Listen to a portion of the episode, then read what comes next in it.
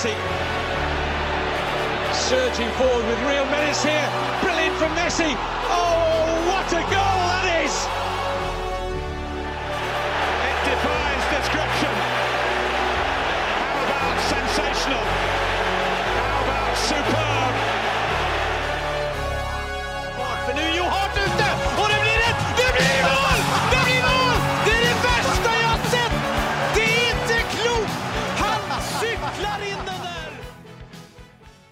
Ja Klokken er eh, passert 11.51 på en søndag formiddag. Eh, Jeg kan ønske velkommen til episode 133 av den wunderskjøne wunderskjønne eh, fotballpodkasten 90 minutter. Eh, Sjelden vi sitter her i dagslys, gutta. Ja, det var noe nytt. Sjelden den, eh, man tar det så tidlig på dagen òg. Sjelden jeg må tenke på siste buss hjem. jeg ikke må tenke på siste buss hjem. Ja, altså, jeg, men jeg er trøtt i trynet nå, faktisk. Ja, du du, du Pleier sto være- opp for et kvarter Jeg siden. da. pleier jo å være trøtt i trynet, Ja. så det er ikke nytt, da. Nei, det er ikke nytt. Det er ikke nytt. Eh, har, vi, har, har vi det bra? Vi kan begynne med deg, Mats. Har vi Ja, jeg har det fint. Mm. Kom fra jakt i går, så da Blei det noe Fugl? fugl? Nei. Nei. Er story om Mats Kan ikke, kan ikke si jeg husker jeg så noe heller, faktisk. Så Kanskje det var noe småfugl, men det kan nok skytes. Et fjærkre må du snart få. Jo, men jeg fikk jo det når vi var på jakt i høst. Men uh, nå er det altså det er for seint å jakte nå, vet du. Det er ikke noe, de trøkker ikke noen ting. Nei. Hva med deg, uh, jakter du? Nei, jeg jakter ikke. Men jeg har det fint, jeg. Ja. Ja. Har vært på mye fotballkamper i det siste, eller? Nei, det var bare én på Altså, det var jo derbyet mellom eh, Lillestrøm og, uh, og Vålerengen. Og så var det jo eh, var det en breddekamp i Drøbak, faktisk, på tirsdag. Det var på. Det var veldig hyggelig. I alle dager, søren. Drøbak? Drøbak? Det, var, det, er jo, det er jo bare en halvtimes busstur fra Oslo. Det er sånn verdens mest avslappa busstur. Det, men, men det som er så imponert over den eh, greia di, da, den groundhoppinga di, det er jo Altså, du har jo ikke bil. Nei? Og du, du, du, du Han kollektiviserer, er det lov å si? kollektiviserer. Det kollektiviserer hørtes ikke riktig ut, men eh, jeg skjønner hva du mener. i, gjennom Norges land. Det, det er ganske imponerende, Dupkern. Jo takk, men altså jeg har jo Jeg er med i bilkollektivet, da. Så jeg kan jo leie en bil til, til ganske grei pris når jeg har behov for det, men jeg gjør det ganske sjelden. Jeg bruker som regel buss eller tog. Mm. Mm. Type, altså. Ja, det er en type. Ja. ja, Men han brenner for det han uh, brenner for, da. Eh, ja, men jeg tror også Jeg, jeg veit ikke, klarer du å sitte ned og slappe av en ettermiddag? Ja. Ok. Du gjør det, ja? Ja, ja, ja. Det er ikke noe problem. Jeg tenkte liksom hvis du var en sånn rastløs, at det, det veier opp. Nei, altså jeg liker jo at, uh, at det skjer litt ting, da. Men jeg kan fortsatt sitte og kose meg uh, hjemme en ettermiddag. Det er ikke noe problem, det. Mm. Med Big Bang Theory på TV-en. liksom. Ja, Netflix, PlayStation, hva enn det måtte være. Fotball. Ja. Islandsk. Færøy- færøysk. Nei, men det er bra, gutta. Det er bra. Åssen har du det? Eh, jo, det er for så vidt eh, veldig fint. Veldig fint. Eh, hatt frihelg nå. Koser Kose meg. Um, Nei, hadde, ikke- ha, ha- hadde faktisk dro med meg familien ut på en eh, såkalt Mesteras mester i går, hvor vi, vi konkurrerte faktisk eh, sånn på mange av de forskjellige grenene man har i Mesternes mestere. Mm. Familiemesterskap. Det var litt morsomt, faktisk. Vi dreiv på en hel formiddag der. Men Men med ditt konkurranseinstinkt, gikk det, var dere venner da, når, det- dere, det- det- når dere kom hjem? liksom? Konkurranseinstinktet mitt senker seg litt i forhold til liksom sånn Konkurransen? Ja, inn i, inn i en familie, liksom. Okay. Altså, og så veit jeg jo det at eh, da jeg er 100 kilo og, og eh, samboeren min er eh, vesentlig eh, Hva kan du si? Eh, Jeg- jeg- jeg vil ikke fullføre den setningen. lettere, da. Så er det en del av disse hengeøvelsene og sånn som jeg, jeg har jo ikke kjangs! Sånn, jeg har ikke kjangs! Men, eh, men der det er litt mer eksplosivitet og, og litt mer sånn hurtighet sånn, der, der tar jeg det godt inn igjen. Ja, men du slo unga hver gang? Jeg slo unga, Hver gang? men eh, hver gang gjorde jeg ikke, faktisk. Fordi han eh, lille apekatten på 11 år der, han, eh, han er jo flink opp i disse Ringa? ringa og sånt. Ja. Ja. Men eh, jeg blei nummer to. Jeg blei det, Ok. Totalt, liksom? totalt. Ja. Ja. Hvem vant? Eh, Det var jo samboeren. Var det det? Ok. Selvfølgelig. Selvfølgelig. Det var jo den soleklare favoritten òg. Ok. Men det var gøy. Det var gøy. Eh, anbefales til alle, det. Eh, fin dag ute i det fri. Vi dro opp på Bjøndalen, vet du, oppe på skianlegget der. Ja, der, der, er det jo- mye stativ. Ja, ja. Fått masse sånn utetreningsopplegg, så det, det var koselig. Eh, men eh, de som har skrudd på podkasten 90 minutter nå, ønsker vel ikke å høre om, eh, om eh, breddekamper og Mestras mester, så vi kan vel egentlig bare kjøre inn på det vi skal gjøre. Det kan vi godt gjøre. Balotelli. Aguero!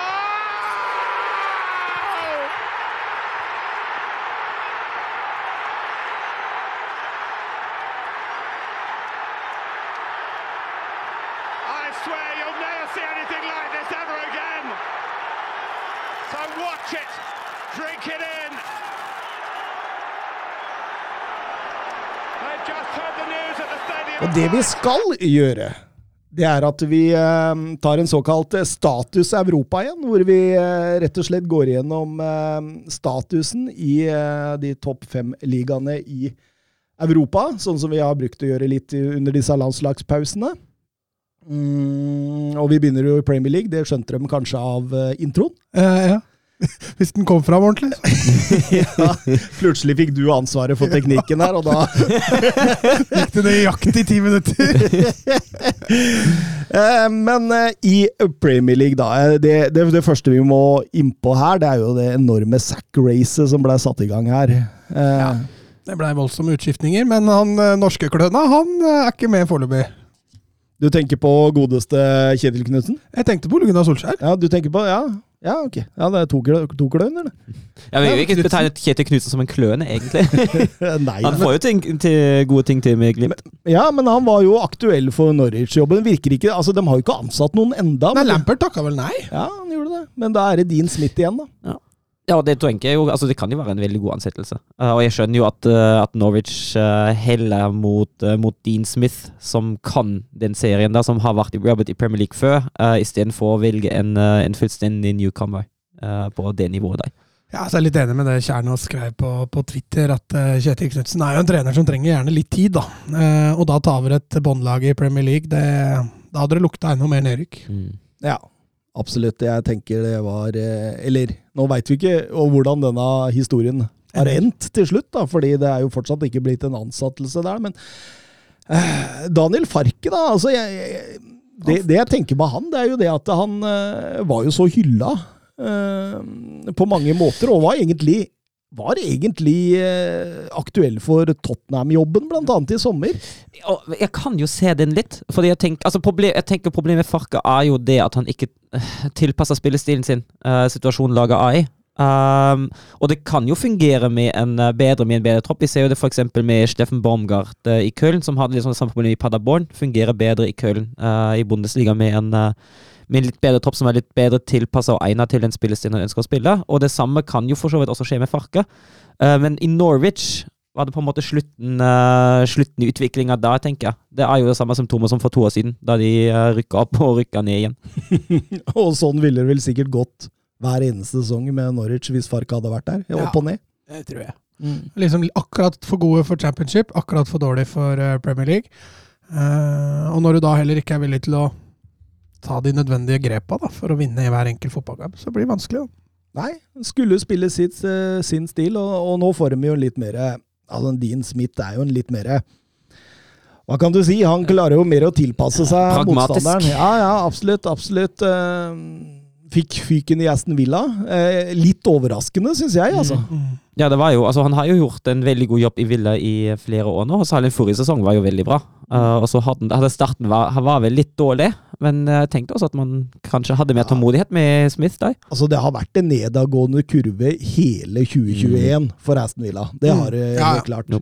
Så, så, så jeg, jeg, jeg tenker jo at det det måtte vel kanskje komme på et eller annet sett og vis, men samtidig så er det jo på en måte altså, Han tok jo over klubben, var, var det nummer 15 i championship eller noe sånt? nå?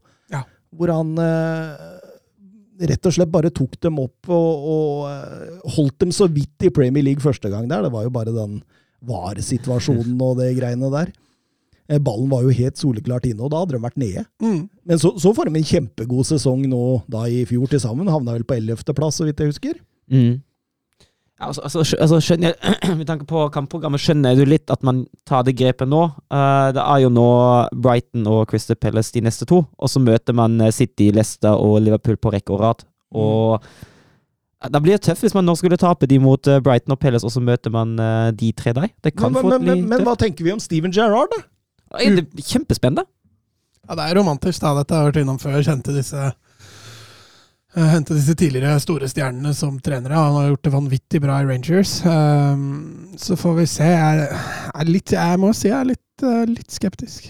Jeg veit ikke helt hvorfor, men eh, Altså, jeg, jeg tenker jo at eh, det er jo nå Altså, nå får vi jo svaret, da, hvor god Gerard egentlig er. Eh, Ja, for det har man jo egentlig ikke Nei, fått. det, er- det er derfor jeg tenker at det er spennende. Altså, Skotsk fotball, du har jo bare Rangers og, og Celtic uh, i utgangspunktet, og Celtic har jo fint klart å ødelegge seg sjøl i den perioden Gerrard var der. Altså, all ære til Gerrard og det, det han har fått til, men nå får vi svar på hvor god er han egentlig. Ja. Det, er, det, er, det er et spennende prosjekt.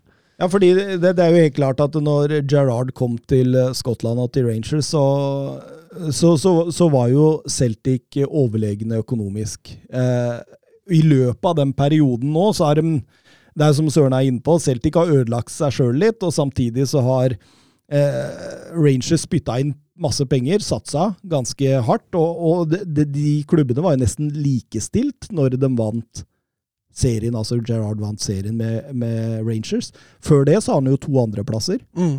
Så det, det- jeg, jeg syns ikke det ligger noe automatikk i at Steven Gerrard er bedre enn Dean Smith for Aston Villa. Mm. Eh, sånn som det f.eks. ligger i Tottenham, da, og at eh, Antonio Conte er eh, automatisk eh, en veldig mye bedre match Mm. enn Nuno Espirito Santo. Mm.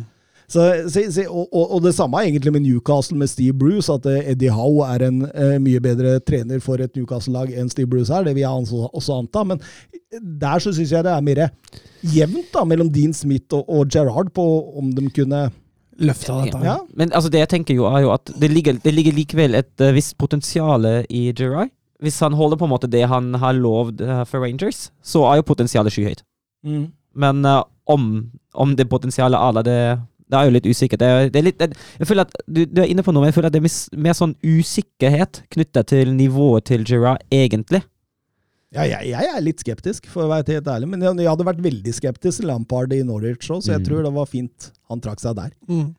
Jeg tror ikke det hadde vært en, en match made in heaven, men hvis vi ser litt på tabellen her nå, da, så er det jo ett lag som på en måte skiller seg litt ut i forhold til at de ikke skulle vært der sånn i utgangspunktet, og det er jo Westham på tredjeplass eh, for en sesongstart eh, David Moyes har hatt med dette Westham-laget. Um, Stram defensiv organisering, to vaktbikkjer sentral der, Sosjek og Rice, som er jo helt enorme og dekker mye rom, også gode kontringsspillere. Det er jo egentlig det som er fasiten på det. Ja, Mm. og så er det jo bare to lag som har skåret flere mål enn en West Ham denne sesongen så langt, og det er Liverpool og Chelsea. Og imponerende det han har fått til. Men så, men, men, men så er det jo litt morsomt, ikke sant? fordi Moyes blir jo hylla nå, eh, med rette. Det er jo fantastisk morsomt å se på Westham, og, og når denne fotballen sitter, så er det jo, er, er det jo gøy. Ja, så har han fått fram litt sånne underdog-spillere, som Bowen og sånn. Ja, ja, absolutt. Eh, Henta fra Tsjekkia der og fått fullt betalt. Og, eh, men når denne fotballen ikke fungerer, så blir man jo lynsja. Mm.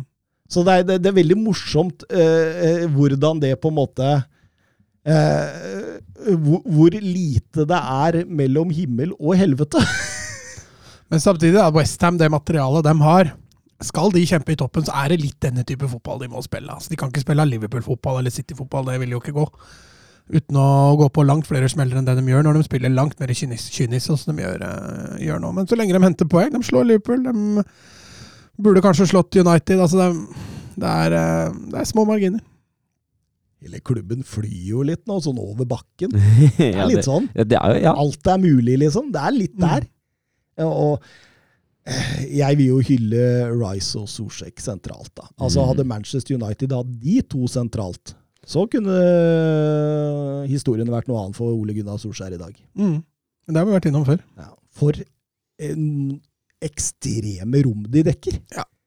Og, og duellspillet og offensiv markering, og, og, og de har jo til og med mål i seg, begge to. Ja, men altså, de, de er ikke sånn som nødvendigvis også tupper og mæler ballen. Og Rice som kan ta med seg ballen over halve banen. Eh, Sucek, som ofte vinner ball, eh, lemper den ofte til en Westham-spiller. Ikke bare dunker den av gårde igjen. Så Og livsfarlig på dødball. ja, ja, helt klart.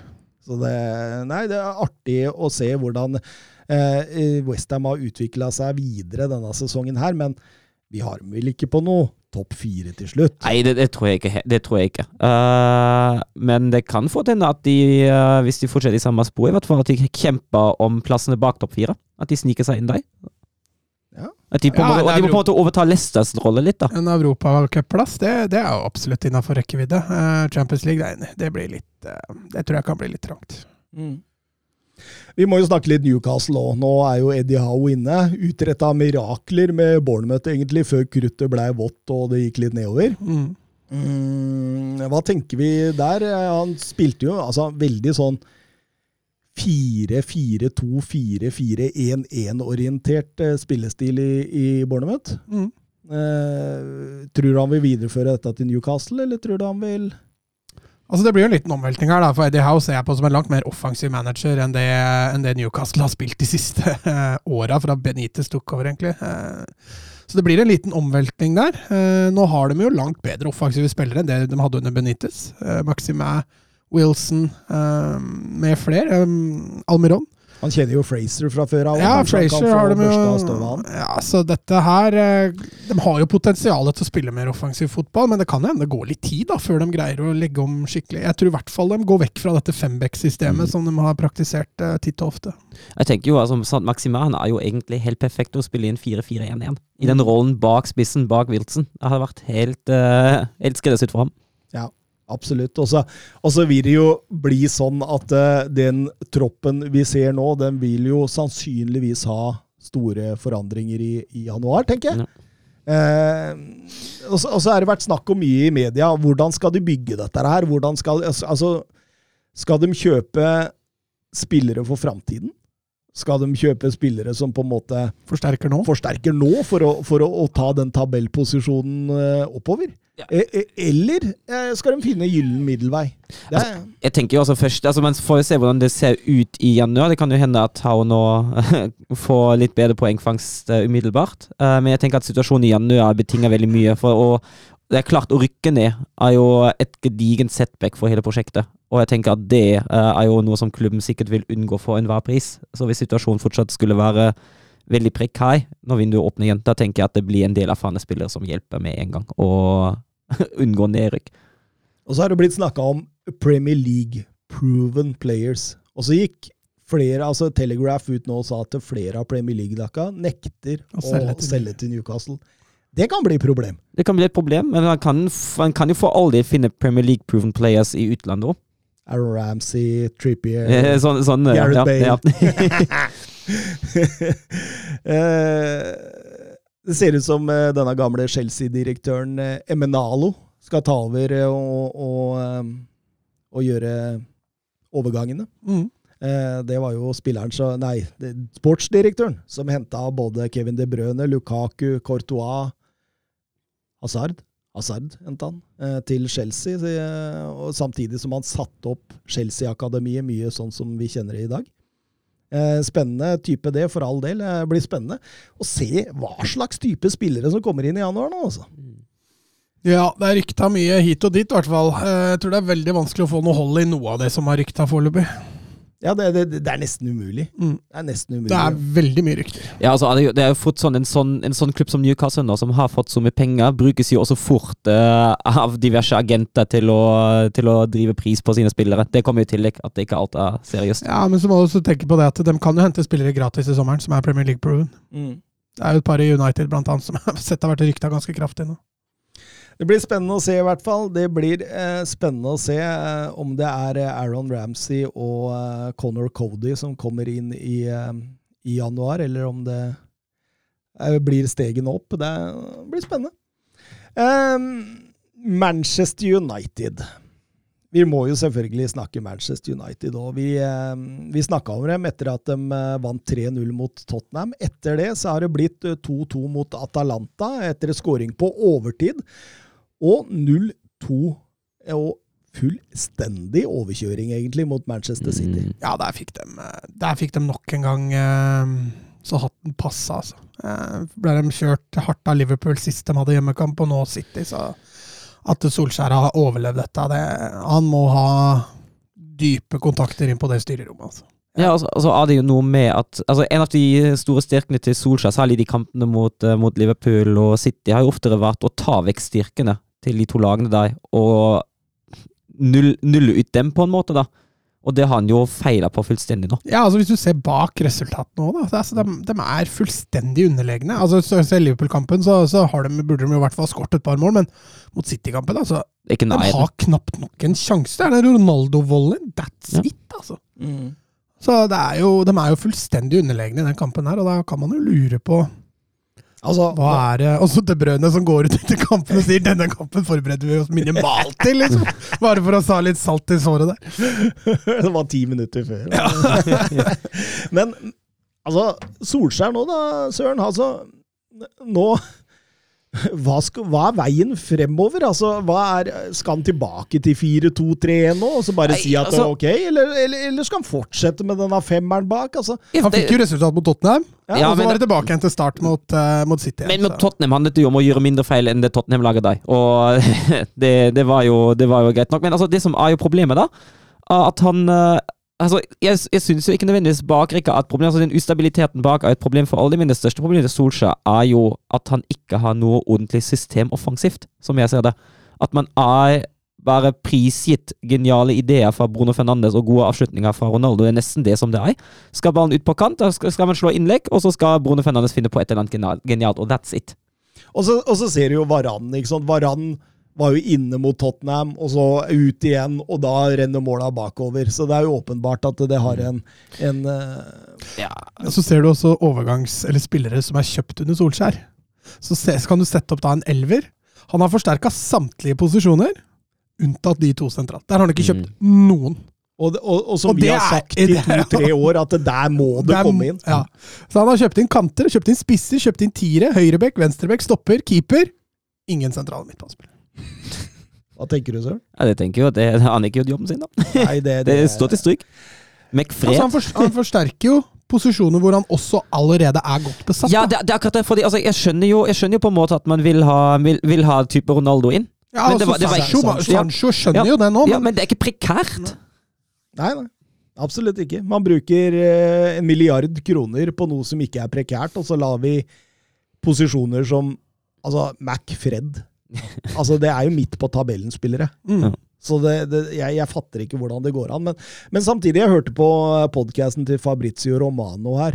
Og Han sa det at eh, Solskjær skal visstnok ha mektige og sentrale styremedlemmer eh, i klubben som backeren eh, enda, og at eh, de ikke engang har starta å kartlegge potensiale erstattere for Solskjær. Det, og, og da tenker jeg, sånn som det er nå, sånn som akkurat som det er nå, så er det altså eh, Ten Hag har jo sagt han vil sitte ut sesongen i, i Ajax. Det har han jo sagt. Eh, Brendan Rodgers, det samme i Leicester. Han sier no way, jeg, jeg drakk ikke herfra før i hvert fall etter sesongen.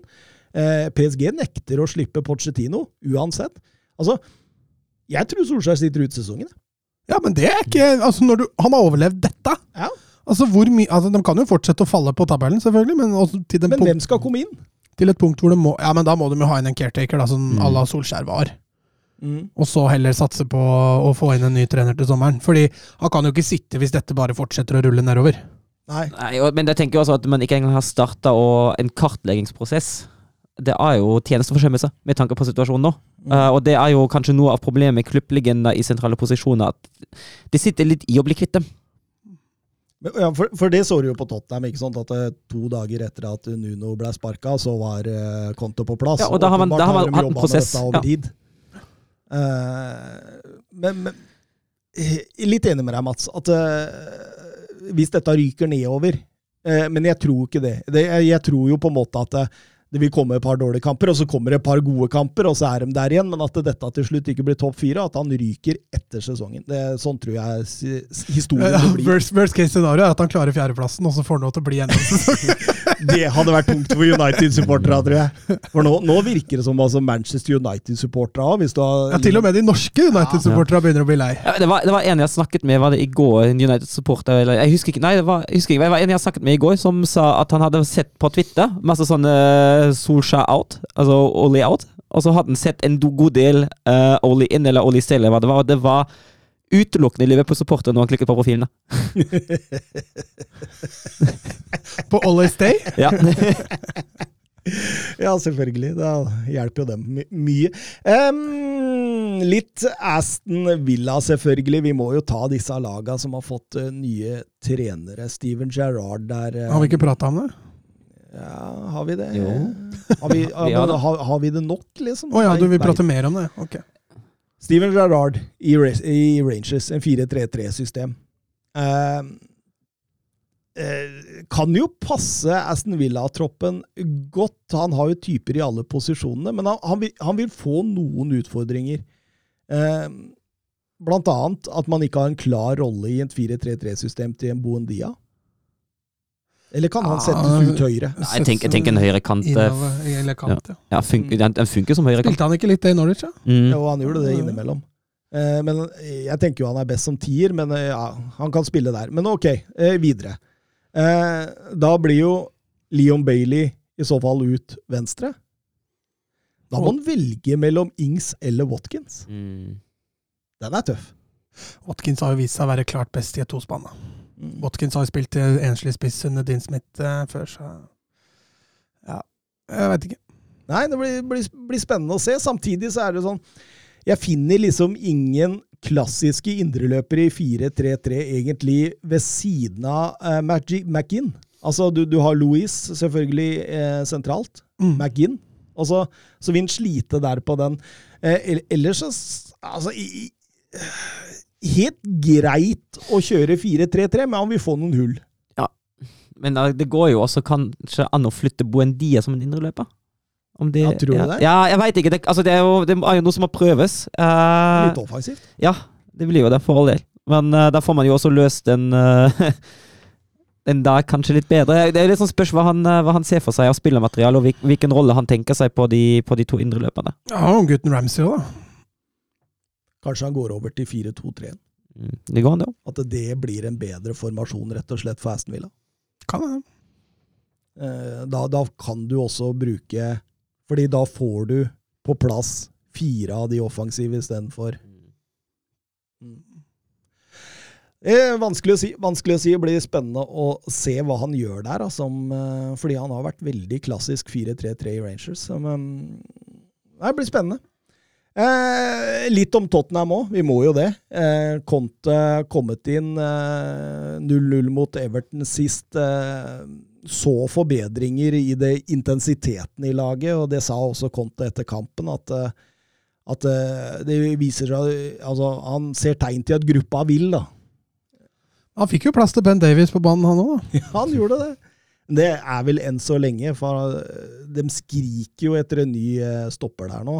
Eh, blir jo linka til både Skrinjar, De Frey eh, Men, men burde ikke enten eh, Sanchez eller Tanganga fått muligheten istedenfor Ben Davies? Tanganga tror jeg er litt eh, unsafe i forhold til fitness akkurat nå. Okay. Eh, Sanchez, jo, men samtidig Sanchez er ikke noe kontestopper, altså. Han, eh, han er litt for vill. Litt for mye feil i seg. Altså, Conte ser mer på den trygge, stabile, ikke sant. Så jeg, så, jeg, så jeg er litt usikker på om det, men Så da har ikke hatt noen framtid, egentlig? han da? eh, nei, jeg, jeg tror fort eh, Sanchez kan bli solgt, ja. En squad player. Mm. Jeg tror kanskje det. Men eh, litt om Conte, da. Eh, sesongen før han tok over Juventus, så havna de på sjuendeplass med 58 poeng. Conte fikk førsteplass i sin første sesong med 84 poeng, og to seriegull etter det også, altså tre på rad. Så tar han over Chelsea. Chelsea var på tiendeplass sesongen før, med 50 poeng. Conte tok dem for første sesong på førsteplass med 93 poeng. Andre sesongen gikk det litt eh, verre sånn i forhold til på styrerommet og sånt, men han fikk også med seg en FA Cup-tittel der. Sesongen før i Inter var, fikk Inter fjerdeplass med 69 poeng. Conte tok dem til andreplass i sin første sesong med 82, og seriegull neste sesong. Det er jo helt spinn vilt. Ja, det er jo en uh, god fotballtrener. Det har vi vært inne for. Det er, det er, det er jo så sjukt, Mats. Mm. Ja, han er, eh, han er eksepsjonelt på det å bygge, bygge vinnerkultur, tror jeg. Eh, Så jeg har vært innom det før. Da. Jeg tror han tar veldig mye plass. Så så lenge spillere gjør som han får beskjed om, og så lenge han får vilja si på styrerommet, så tror jeg han kan levere gull og grønne skoger ganske kjapt. Altså. Mm. Så får vi se. Han har jo møtt motstand i hver eneste klubb han har hatt. Etter hvert. Jeg er spent på hvordan det går med Levi. Det, det må jeg innrømme. Det, det blir spennende å se, fordi han er nok ikke den letteste å samarbeide med heller, tror jeg. men, men også, også samtidig altså er det den, den lille heftelsen da, med at Conte aldri tatt over et lag midt i sesong. Fordi han sier jo sjøl at han trenger den preseason på å, å få i gang spilleras fysikk, få inn strukturen, få inn sant, alt det der som skal til. da. Og da tenker jeg jo at eh, her kan vi jo se et varierende Tottenham fram mot jul. Mm. I hvert fall kanskje over, rett over jul òg, og så kanskje begynner man å se, se tegn til uh, kontefotballen. eh. Så blir det spennende med januar nå. Han kommer jo til å hente spillere, det er jo ingen tvil om. Vi, jeg sendte jo dere en eh, liste på hvilke lag som kunne kjøpe flest spillere i forhold til FFP i Premier League nå, og der var jo Tottenham hadde vel 400 millioner pund eller noe sånt. nå. Ja, jeg har til gode å se Daniel Levi splæsje Splæsje 400 millioner pund på et overgangsvindu. Det, jeg tror det er å drømme skyte litt høyt. Men, men tror du ikke Konta har sett den der, han òg? Jo, det kan godt hende, men det er jo Han blir den første i verden da, som får Levi til å åpne lommeboka på vidt gap, hvis det Jeg bare syns jeg ser Conte kommer inn til Levi med den tabellen. look here, look here! Ehm, men hva, hva tenker vi i forhold til januarvinduet? Vlaovic, Brozovic, Skrinjar, De Frey, Kulusevski. Det er mye linker nå. Det er jo mange fine navn der. Mange gode fotballspillere. Og, og selvfølgelig fra Serie A. Det er jo Mm. der, det- der det hentes. Eh, hva- Og mye Inter.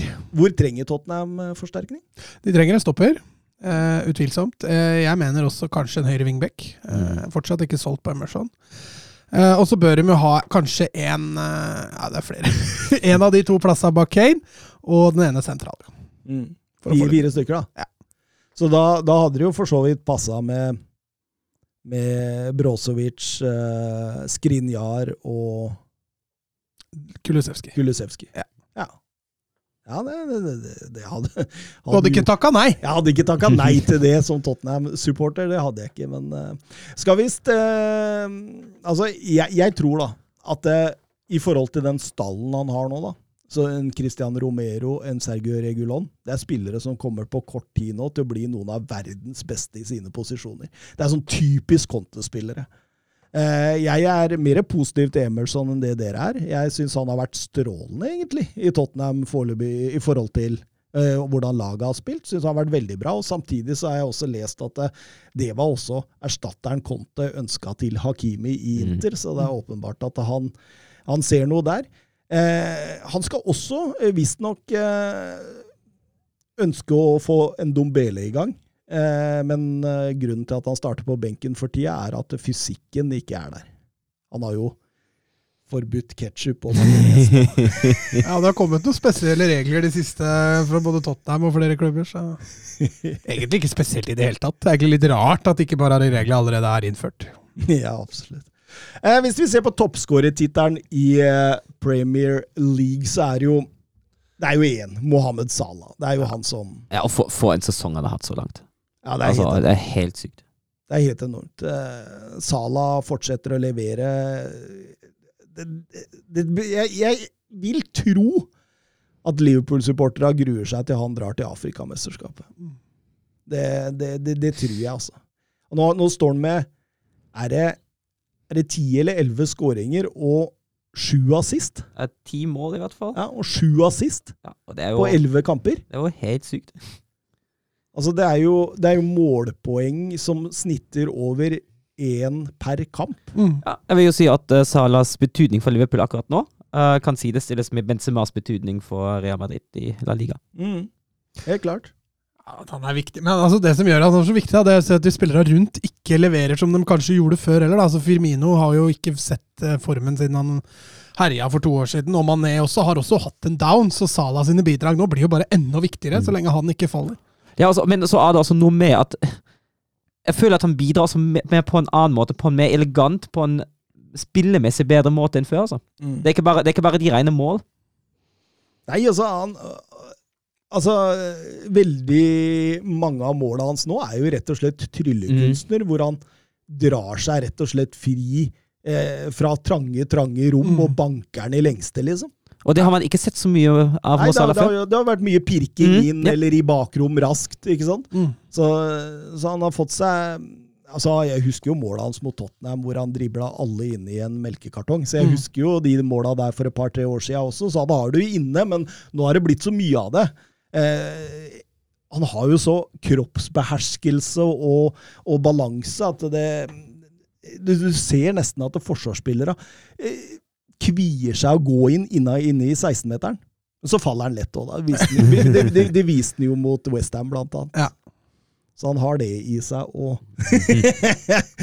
eh, videre der så ser vi jo at eh, Maxwell Cornet har kommet opp på toppskårertittelen der. Eh, seks på sjetteplass. Mm. Eh, fire mål. Har jo vært en åpenbaring. Han satt dunka rett opp som spiss i 4-4-2 med, med, og, og, og har jo et skuddbein som eh, Nei, Ja. det er jo voldsomt. Ja, voldsomt deng i den venstre slegga si. Altså. Eh, Veldig, veldig artig å se på. eh, Cornet i eh, Altså, ha, har vi en mer sånn mismatch mellom en spiller og en klubb enn Maxwell Cornet i Burnley? Det må ha vært eh, St. Maxima i Bruces eh, Newcastle i så fall. Ja, det er enig. Den er, den er fin. Jo, jo, men der har man jo liksom en Almiron, og man har vært litt eksotisk, da. I, i, i eh, Burnley så har man Jo, jo, henta spillere der, fra Midlands og McNeil? Ja, men han er jo ikke noe eksotisk i den forstand. Nei da, han er veldig britisk. Det, det er helt riktig. Så, i- så i Newcastle, så er man, og, og i Newcastle og historisk, så er man jo vant til at de henter franskmenn. Jo, jo. og ikke sant, Ben Arfa, Papi Chissé, du har Da- Ben Dembaba David Ginola. ja, ikke sant? Det, det har jo vært sånn hele tida, ikke sant? Eh, men, men Maxwell Cornet i Burnley jeg, jeg klarer fortsatt ikke altså det, det, det skal være Barnes og Woods og Tarkovsky, og det skal være Ben Me, og det skal være Brownhill og Ikke sant? Skjønner? Ja. Det er, så ekstremt merkelig. Men, men så kan vi også se at det er en høyrebekk, og på åttendeplass er Reece James. eh, Ja, og det er, Vi har jo vært inne på det før, at eh, de bekkene, de wingbekkene til Chelsea, eh, at de kommer seg i avslutningsposisjoner og skårer en del mål.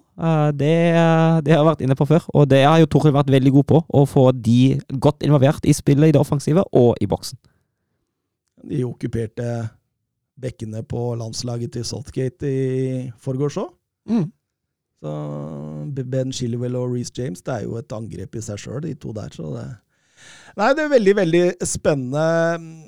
Hvis vi ser litt framover nå, da, hva eh, Tror man at eh, Chelsea, City og Liverpool vil dra fra etter hvert, og at det blir en kamp om den fjerdeplassen mellom flere lag? Eh, Arsenal, Tottenham, ManU, West Westham. Ja, jeg tror, jeg tror jo egentlig det. Jeg Mm. tror de, jeg tror de topp tre de er ganske spikra. Rekkefølgen er jo, er jo ikke det, men jeg tror at eh, Chelsea, City og Liverpool utgjør topp tre.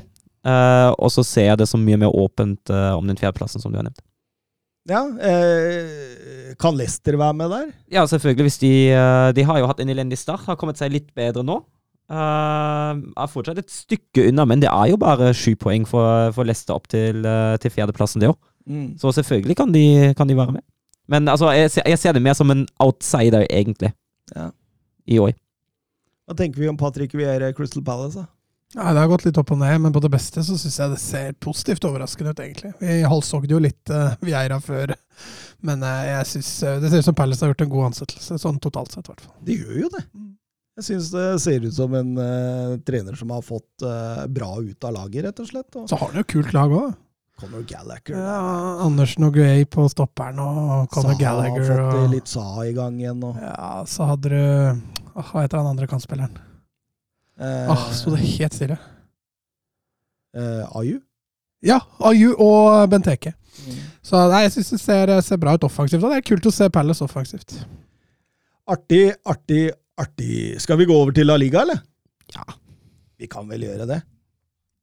Cap a la dreta per Xavi, assistència de Xavi més cap a la dreta per Messi, Messi, Messi, Messi, Messi, Messi, Messi, Messi, immens Messi, encara Messi, encara Messi, encara Messi, encara Messi, encara Messi, encara Messi, encara Messi, encara Messi, encara Messi, encara Messi, encara Messi, encara Messi, gol, gol, gol, gol, gol, gol, gol, gol, gol, gol, gol, gol, gol, gol, gol, gol, gol, gol, gol,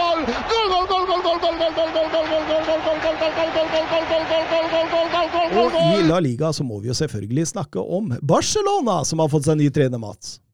Oh yeah! Ja, sa vi kom han? Det blei romantisk, heldigvis. Jeg tror eh, både fans og, og spillere trengte det. Eh, en Xavi vil skape mye entusiasme. Så blir det fryktelig spennende å se hvor langt han har kommet som trener. Kom inn i Barcelona med ordene 'Vi er Barcelona'. Vi må vinne. Vi kan ikke spille uavgjort eller tape. Og lovnader om pass and play, intensitet, høyt press. Følelsen av at han vil kopiere en Guardiola? Da. Ja, men han er jo Altså, jeg vet ikke hvor mange bilder på Twitter du har sett av av eh, Rinus Michel snakker til Cruyff, Cruyff snakker til Guardiola, Guardiola snakker til Xavi. Altså, den, den har liksom gått sin seiersgang på Twitter, da. Så um, man får jo selvfølgelig store forhåpninger som Barca-supporter når Chavi returnerer eh, hjem. Gleder meg til pass and play og høyt press med Luke de Jonge og Martin Braithwaite. Ja, for det, det var mitt neste spørsmål. Eh, eh, det er jo en krevende type fotball. Mm. Og har dem spillere til å spille denne type fotball? Nei, altså Nå trekker du fram ytterkantene her, da. Eh, Jo, men samtidig men Braithwaite kan- kunne jo spilt i høyt press. Jo, han- men de ikke pass and play. Kan Depay Kan han spille i f.eks. i høyt press? Nei. Nei. Nei. Bob, Bob. Ja, ikke sant? Så da blir det Braithwaite da, fram til jul. Han er jo skada òg, da. Så Ja, får okay. ikke brukt han heller. Og, Nei, det og blir- Dembélé er skada. Ja, det, det blir spennende se. Han er jo ikke noe voldsomt høyt presspiller heller. Nei, Ansu Fati er skada. Så han har jo sine. Og eh, jeg, jeg stiller jo spørsmålstegn rundt spillestallen i forhold til type fotball. Ja, da. At dette her kan bli litt sånn overambisiøst. Nå henter han vel Dani Alves, gjorde han ikke det? Jo. Fått børsta litt støv av der, og så er han jo sterkt eh, linka nå. Tiago vil han ha, så Bringing the old band back together, er ikke det man uh, sier, så Dani Olmo har vært spekulert nå. Ja. Men, men altså Dette har vi snakka om så mange ganger før, jeg bare føler jeg gjentar meg selv, men overgangspolitikken til Barca har jo sakte, men sikkert ødelagt identiteten til Barcelona. Uh, de må jo bare begynne på nytt. Kvitte seg med alt ræl, og det er ikke gjort på Det er ikke gjort i løpet av november, altså. Nei, altså problemet er at har- de siste årene man har jo ikke kvitta seg med, med Aldral heller, man har jo samla på mer ral i tillegg. Ja, man har jo kjøpt mye ral. Så man må kvitte seg med ræl for å kunne gå videre her. Ja, absolutt. Absolutt. Um, Kanskje veien er å gå og bruke de unge spillerne man har, de lovende spillere, mye mer, da. fase ut Busketsen og så sette Mm. den treeren sentralt med de Jong, eh, Gavi og Pedri oh. etter hvert. Nei, han kommer ikke til å fase ut Busquets. Nei, fordi han henter jo fortsatt uh, spillere som, uh, som Al Alves. Så Ja. 38 år. Jeg tror Busquets fint har uh, en eller to gode sesonger til igjen under Xavi, så den, den tror jeg kan begynne ennå. Eh, Jeg tror den største, største utfordringen hans er det offensive. Mm. I det høye presset, og med de skadeforutsetningene man har. Altså Aguero nå ryktes at det er ferdig. Og da mister man jo en, en nier der, og så har du Depay, som, som vi har vært inne på. Du har en de Jong. Altså, dette er spillere som kanskje ikke passer inn, da. Eh, I hvert fall ikke i høyt press. du sitter da igjen med veldig få alternativer, så det er der først og fremst jeg ser skoen trykke. Og den høyrebekken, det er jeg litt enig i, den trykker litt der, for Dest har ikke vært god nok defensivt. Mingesa har ikke vært god nok defensivt. Eh, Å få inn en Alves blir spennende å se åssen fysisk forfatning han er i, men det kan faktisk hende at han går inn og forsterker den høyrebekken med tanke på alternativene man har der. altså. Oi, oi, oi. Det sier litt om åssen trøbbel man har i Barcelona, sier du meg. Ja. At hvis du er 38-åring som ikke har hatt klubb siden før sommeren Mm. Oi, oi. Det er, men men eh, litt morsomt, da, for det Savi sier jo også det at eh, alle spillere begynner på scratch. Inkluderer også da Umtiti og, Mm. og, og, og, Coutinho i dette her. Eh, Og det er jo en fair måte å starte i en klubb på, syns jeg. da. Uansett at eh, Luke de Jong, du er like mye verdt som eh, Ansu Fati på en måte fra første treninga, og så får vi se hva som skjer. Eh, men hva er det vi kan forvente av Barcelona nå? Altså, For jeg, jeg, jeg frykter jo altså Jeg har jo hele tida sagt at det blir topp fire, topp fire, topp fire. Det tror jeg hele tida.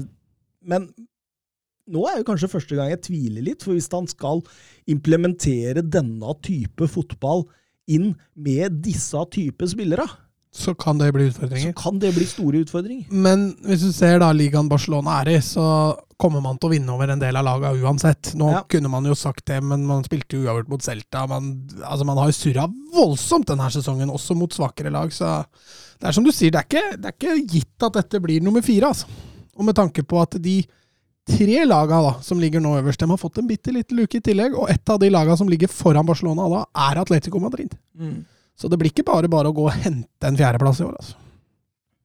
Men uh, hvem er det som skal ta den fjerdeplassen? Er det Betis, da? Eh, Nei, Sociedad. Sociedad. Ja. De leder jo nå. Eh, Og de har jo sett Altså Nå har jo Sabal også vært ute en stund, og de fortsetter jo å prestere Sociedad. De er jo utrolige men, men, men, men er ikke dette ganske likt 1920-sesongen? Da er de også fra seier til seier. 2021-sesongen. Ja, men Var det ikke 1920 da, med Ødegård, hvor de lå ganske høyt over lang, lang tid? Og så, og Jo, men samme i fjor òg. så det betyr jo at eh, Det er jo et, vår, et høstlag, hvis Ja, man kan ja. si det på den måten. Så vi får se åssen åssen våren blir for Sociedad. Men de har sett veldig solide ut. altså. For Betis, de er ikke i nærheten, eller? Det de viste mot Sevilla før eh, Det var ikke, det var ikke topplag. Virker så ekstremt avhengig av Fikir. Ja, herregud. Og så varierer de så veldig i prestasjon. Altså, mot Sevilla det er greit nok, de spiller med en mann mindre, men uh, altså, Sevilla hadde egentlig god kontroll på den matchen. Mm. Og Det var i tillegg et byderby, så det var litt skuffende av Betis. Men Betis kan absolutt surre seg. Altså, Pellegrini er en ringrev, han kan eh, finne på mye rart. Men det er som du sier, da, Fikir har vært ytterst viktig. Så når han har vært borti de matchene som han har vært nå det siste, så, så har de slitt. Altså. Og så ser jeg ikke hvem som på en måte skal gjøre de 15-20 måla for dem. Altså Juan Mi eh, William José. ja. Borja Iglesias. Mm. Nei, det, det lukter ikke 20 pluss. Nei, men hvis alle de da har sju mål, åtte mål hver, da, så begynner vi å nærme oss 20 mål her. eh, men vi venter jo fortsatt på Diego Lines. Ja, er litt kjipt, altså. Sliter med skader og Eh, blir det nye Freddy Adu? Ja, det kan fort Men Han var ikke like hypa da som Freddy Adu, Diego Lainez. Jeg tror ikke det er alle som veit og har sett han spille, men eh, eh, det er litt sånn jeg føler med Samuel Chukwese i Villarreal. Altså, det er to spillere som bare ikke får ut potensialet, for skadene kommer i veien. Altså.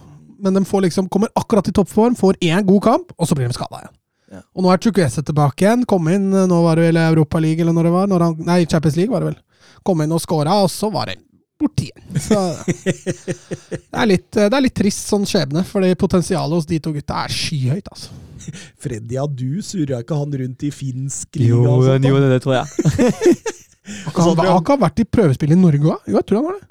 Ja, I hvert fall i Sverige, veit jeg. Ja, Sverige var det kanskje. Ja, stemmer det. Og så har du han der, husker du han? Eh, Som alle sa, Guy Asulin. Ja, ja. Han var Barca Ja, ja. Det var det nye Messi. Eh, havna vel i Boratland, tror jeg. Kasakhstan og, og Romania. Og jeg tror han faktisk er i serie D nå. Men det var også sånn FM-spiller. Sånn FM-talent. Så eh, Diego Lainez, du havner i Helsinki eller noe sånt nå, om et par-tre år. Lillestrøm, da. Lillestrøm, ja, det, det kunne vært gøy. Um, Beirin debuterte med bart og, og selvmål. Han ligner altså, Det er liksom Når du ser trynet hans, så tenk, men jeg klarer ikke å ta tak i hvem jeg kjenner han igjen fra. Er det Zorro, eller er, hva er det jeg kjenner? Hvem er han er? For en stil på den mannen der, altså. Ja, altså, Han har veldig distinkt utseende. Altså, han skiller seg veldig ut. Og når han fikk bart i tillegg ja, Jeg flirer, altså. Den barten, den, den eh, trumfer alt. Men eh, dere sier jo eh, Sociedad, så dere kan eh, ta den eh, eh, plassen. Og det er jo én i Sociedad jeg tenker først og fremst på. Alexander Sørloth. Ta på deg nisselua litt. Han, han, gjorde et par bra ting i går på Norge, men, eh, men eh, særlig i annen omgang. Men eh, jeg tenker jo Mikkel Merino. For en motor det er. Ja, men der, altså Jeg syns det er flere nå som, som tar litt steg der. da. Altså Baranechea, som du hadde som ukas talent for en del år siden, han har begynt å få regelmessig spilletid. Bør jo nevnes. Men jeg syns jo forsvarsrekka til Sociedad altså de er ganske solide nå. Altså, de mangler kanskje en klassekeeper unna å være blant de mest trange laga å spille mot i, i uh, Sociedad. Altså, David Silva kan nevne han òg. X-faktoren. Ja, det er X-faktoren. Og Yazabal har som sagt ikke spilt de siste kampene, men eh, få han inn igjen der sånn igjen, da, da begynner det å lukte litt. Men er dette et litt sånn Westham-lag, eller tenker jeg, i forhold til Altså At det godt organiserte bakover, kontringsstyrke, har en X-faktor eller to? Ja, men altså, jeg syns Sociedad har litt mer fokus på possession. Altså, de, de er mye artigere å se på i frispillinga, f.eks. Det er ikke bare en lang ball opp og så håpe på det beste. Altså, det, er, det er systematisk satt inn i måten man frispiller seg på, og så jobber, prøver man å jobbe Silva inn i gode posisjoner. Man prøver å jobbe Merino inn i boksen. Eh, man prøver å ha gode kanter én mot én. Og så har du en Isak da, på topp som, som er litt X-faktor der òg. Så det er, det er jo et veldig spennende lag. Men Atletico Madrid eh, Nå har de eh, tre av de fire siste seriekampene har endt uavgjort, og de hadde tap mot eh, Liverpool i Champions League. De har kun én seier i alle turneringer siden 2. oktober, altså 2-0-kampen mot eh, Barcelona. Eh, de har sluppet inn tolv mål på de siste seks i alle turneringer, altså to i snitt. Eh, bakover for Jan Oblak og godeste Diego Simione. Kommer vi til å se en Simione nå som eh, vil tette igjen litt bakover, eller? Kan hende at kynismen tar over. Det kan godt hende. Nå skal det sies at de leda altså 3-1 over Valencia til langt ut på overtida. Eh, og klarte å surre det til. Hugo Duro der som ja. par. Og, og, og det var et selvmål, og det var et dødballmål. Eh, inni blant de tre måla til Valencia der, og da tenker jeg at det, dette er ting som gjør at eh, Atletico Madrid kommer til å se dørgende kjedelig ut framover, for Mm. dette her finner han seg ikke i. altså. Ja. det, det er jeg enig med deg. Jeg er livredd for at han tar grep nå, for det har vært litt artig å følge med på Atletico. uh, og sånn skal det jo ikke være. Det skal ikke være artig å se på Atletico. Uh, så nei, vi får se. Uh, men eh, Atletico må jo finne på et eller annet her. For det, nå har de riktignok en kamp mindre spilt enn Sociedad, så hvis de vinner den, så er de oppe i ryggen, dem òg. Så de er jo på ingen måte sånn som Barcelona er litt ut av det, men eh, Ja, men det er jo faktisk fire, det er fire poeng opp til Real, og de har like mange kamper. Ja da, det er det.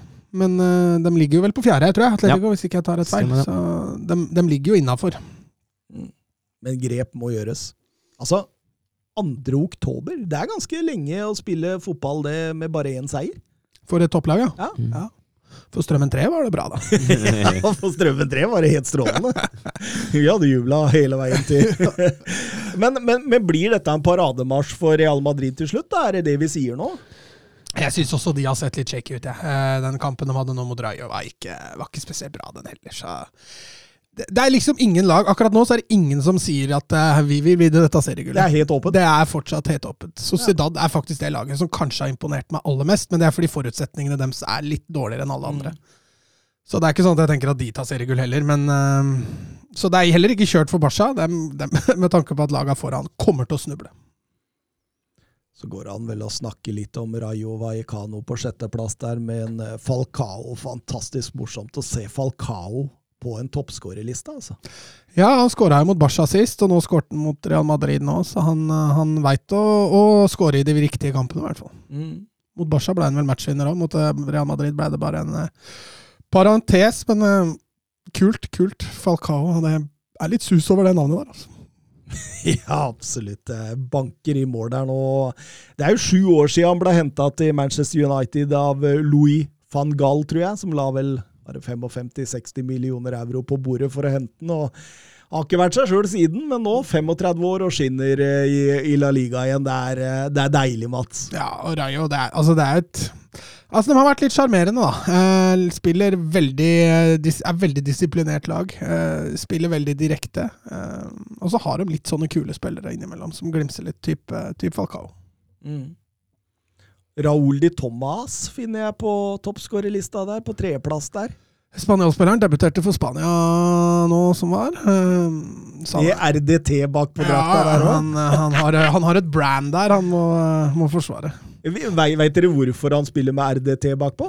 Nei, det veit jeg ikke. Nei, det er litt morsomt, for jeg så et intervju med ham. Jeg flira. Han, sa- han sa at eh, han syns det er kult da, å se folk gå med eh, drakta hans på seg. Eh, men Raúl de Tomàs det er så mange bokstaver at folk velger heller andre spillere da, for å, å senke prisnivået når man skal ha dette trygt. trygt. Men man betaler per bokstav, Ja, da? han gjør det. Gjør det, skjønner du. Ja, okay. Så da fant han ut at hvis han da tar RDT, Så så som blir det jo mange flere velge han. Det er litt kynisme bak dette her, altså. det, er, det er rett og slett litt kynisme. Litt sånn Å, det er deilig, men får, har jo egentlig fått sitt gjennombrudd nå, i en alder av 20, 27 år. Vi snakka mye om ham for et par år siden, Ja. da han var i Portugal. Og, Ja, jeg husker vi tenkte ha Benfica skyte gull igjen, og, men uh, han uh, kom jo inn i Español det året de rykka ned, og han ga dem jo et håp, for han var god da òg. Blei med Español ned, altså, så skøyt han dem opp igjen, og nå, eh, nå ser det krutt ut, altså. Ja, absolutt. Det er jo Karim Benzema som Ja. leder denne toppskårertittelen. han, eh, han har jo vært har, altså Når vi hyller Mohammed Salim, må vi også hylle, hylle Karim Benzema. Få For en, eh, en sesong han har vært, eh, hatt så langt. Han vil akkurat de samme tallene som Salah. Ti mål og sju assist.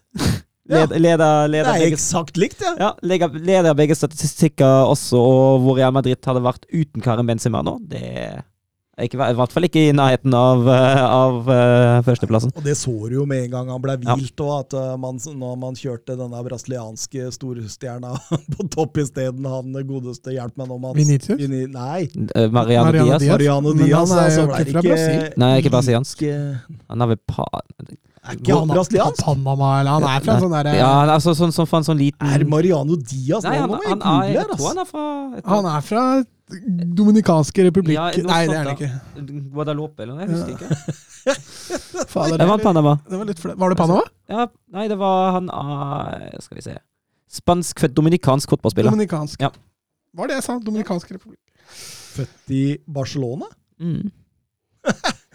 Ja, nå lærte jeg meg noe nytt på direkten. Det var litt artig. Den, han har én landskamp og ett mål for Den dominikanske republikk. Han burde kanskje spilt mer, er det det du mener? Det er så mye gode spisser der nede, vet du. Han får ikke plass til sånne som han. Men uh, uh, Noen ord om Danjuma òg, eller? Som ligger på eh, åttendeplass, rett bak Falcao, rett over Joselu. Eh, har jo tatt eh, via Ja, Real kom jo inn og debuterte for Nederland for en tid tilbake òg, så han har eh, Han kan vi vel si har slått til. Altså Nå må vi snakke kanskje litt via Real òg, for det har vært litt skuffende i år. altså. Mm. Det er kanskje det samme Barcelona som har skuffa, skuffa mest. Taper jo ikke så mye kamper, men det blir jo fryktelig mange uavgjort. Eh, har gjort det OK i Champions League, men i La Liga så, så skorter det. Og Unai Emery har sett frustrert ut på sidelinja. Vant jo nå sist her da mot båndlaget Getafe, og det, det var en sårt tiltrengt seier. altså. Så vidt hørte jeg at han ikke hadde sagt ja til den Newcastle-jobben nå, Mm. men av eh, reine prinsipper så valgte han å bli. Ja. Så ja, nei, det Tolvteplass der med 15 poeng. Tre seire, seks uavgjort og tre tap. Det er eh, 15 poeng, ja. To bak Barcelona. Ja, det er litt skuffende. Jeg trodde Villarreal skulle kjempe høyere så tidlig, men eh, det er klart det er fortsatt tidlig, og laga, alle laga rundt snubler jo, så det er, det er ikke for seint. Men eh, jeg tror den Champions League-plassen begynner å bli spøket litt for, altså. At de da må bli nummer tre i Champions League og vinne Europa League for å komme seg til Champions League igjen neste år. Ja, det er klart, 11, 11 poeng allerede til, eh, til Sociedad. Ja, det, ble, det er mye. Skal vi over til Bundesliga, hvis man ikke har noe mer i, i La Liga å snakke om? Mm. Er macht ein richtig gutes Spiel. Jan Schimonek. Die Wolfsburger lassen so gut wie nichts zu. Grafit. Grafit gegen Lell. Jetzt wird's eine Demütigung. Guckt euch das an. Bist du verrückt? Bist du verrückt? Tor des Jahres. Die Bayern der Lächerlichkeit preisgegeben. Søren Døpker, deilige, deilige, deilige Bundesliga. Ah, ja, nydelig. Nydelig. Hva rører seg i Bundesliga nå? Nei, vi har jo uh, Freiburg har tapt sin første kamp. Det kan jo nevnes nå. Mot Bayern. Bayern. Borte. Knepent uh, 2-1. Uh, det, er et, uh, det er et vanskelig lag å spille mot Freiburg, altså. Uh, Streich har gjort en eh, god jobb, selv om eh, hvis man ser på expected goals, eh, så er de jo ikke i nærheten av å være på tredjeplass. Men eh, de er effektive foran, foran motstanders mål, og så er godt organisert. Da. Ja. Det er det eneste laget i Bundesliga som fortsatt har ikke sluppet inn tosifra. Ja, og det Altså, det De har vel heller ikke skåret tosifra, så Nei, jo, de har, Oi, har 18, 18 mål. 18 mål. Uh, men, og, det hadde jo vært godt gjort å ligge på det, hadde de skåret ni mål. Og det ble også veldig synlig da de, eh, da de møtte Wolfsburg, egentlig. Det var Særlig da de, leda, da de tok 2-0-ledelsen uh, ut i andre omgang, så var det ekstremt vanskelig mot et selvfølgelig for et uinspirert Wolfsburg-lag å tre gjennom dem. Det, var, det, det, det, det er godt organisert. Det er voldsomt godt organisert. Det er litt sånn kan, vi kan jo, kan vi jo Litt. Burnley. Ja, litt det er litt Burnley. Men uh, vi kan jo framheve to spillere der som jeg syns har vært uh, veldig viktige for den biten der. Og det er keeperen Mark Flekken, som har hatt en uh, veldig god sesong så langt. Han har kommet inn på nederlandske landslag òg, som sånn Mm. trekeeper eller noe. Ja, og det er, det er vel fortjent, fordi han har vært, han har vært veldig veldig god for Freiburg i år. Og uh, midtstopperen Niko Nico Slåtterbekk, selvfølgelig. Han har vi jo snakka om før. Han, han, har vært, han har vært strålende så langt. Han har fått også kommet inn på det tyske landslaget, har han ikke det? Yep. Mm. Går til Newcastle til sommeren. går, går til Newcastle til sommeren.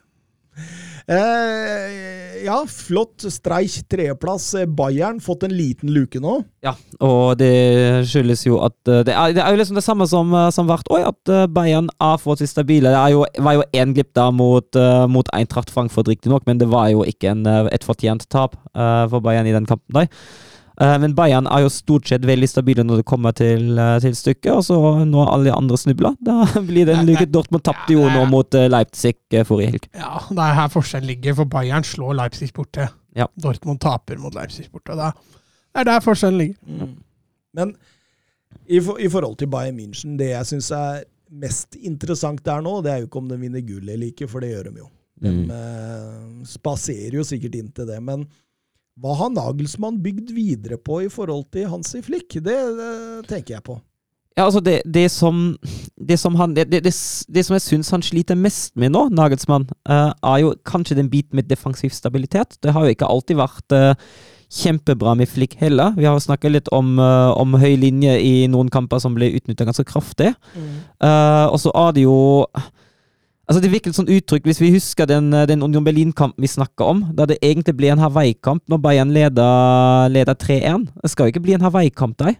Uh, da skal det jo, eh, som Bayern München, ta full kontroll og, og, og styre dette her inn. Uh, og det skjedde jo ikke. Uh, og det er jo litt det, altså at du har Jeg føler at Opamechano han har fortsatt uh, Altså, han Det er mellom dype daler og høye topper. Eh, noen kamper der han, har vært, han har vært helt fantastisk, og så har andre kamper har vært helt krise. En eh, kamp mot uh, München Glattbach der han vel direkte involvert i tre baklengsmål. Den 5-0 eh, det 5-0-tapet da i, i cupen. Eh, så det er sånn det som, eh, som kanskje er den største utfordringen. For offensivt ser det jo veldig bra ut nå, syns jeg. Fått i gang Sané. Ja, veldig. Han, og han var vi jo, har, vi, har, har vi jo kritisert litt i starten av sesongen. Uh, han ble jo pipa av banen uh, tidlig i sesongen i en kamp. Og siden da har det egentlig bare gått oppover. Han har vært ekstremt viktig. Han har fått en fri rolle i, eh, i flere kamper, og så samtidig åpna venstrevingen for Davis, at han kan, eh, kan være offensiv og bidra der, og det har fungert som bare det. Føler Nagelsmann har senka forsvaret litt? Altså At man ikke står så Mm. høyt uh, med fireren bak? Mm. Og så over lengre tid, da, sånn som man kunne gjøre i Bayern. Kunne stå en hel kamp med høyt press, eh, Bayern. Uh, Syns de er litt mer kyniske. Eh, kanskje, altså Jeg sier ikke at de planlegger etter motstanderen, men de tar i hvert fall litt hensyn innimellom. Det ser man jo ser man i hvert fall i enkelte kamper. Så at Nagelsmann har kanskje brakt litt mer taktikk eh, inn i det, det, det tror jeg nok han har gjort. At Hansi Flick var litt mer eh, my way. Mm. Og, og, Eller Bayern Way. Ja, Mm. og mens eh, Nagelsmann er litt mer sånn Ja, vi tenker litt rundt det. Mm. Ja, ja og man, og jeg, ser jo også at han tar jo Han tar jo veldig Altså Det er jo typisk Nagelsmann, der, men han tar jo veldig mange grep underveis i kamper òg. Han, eh, han, han forskyver jo Han, han tilpasser seg kampbildet egentlig nesten hele tida. Og det er jo det er absolutt en eh, fordel, og jeg lurer jo på hvordan det hadde blitt med den for eksempel den München Glattbach-kampen. Riktignok ligger de jo under 3-0 ganske tidlig der, men hvordan den kanskje hadde blitt uh, hvis Nagelsmann hadde vært der i pausen. Fikk en hyllest av, av Hansi Flick òg, for Mm. eh, måten han hadde tatt dette videre på. Fortjent det. Han har jo vært dominerende, han. Absolutt. Eh, Lek. men Wolfsburg, da.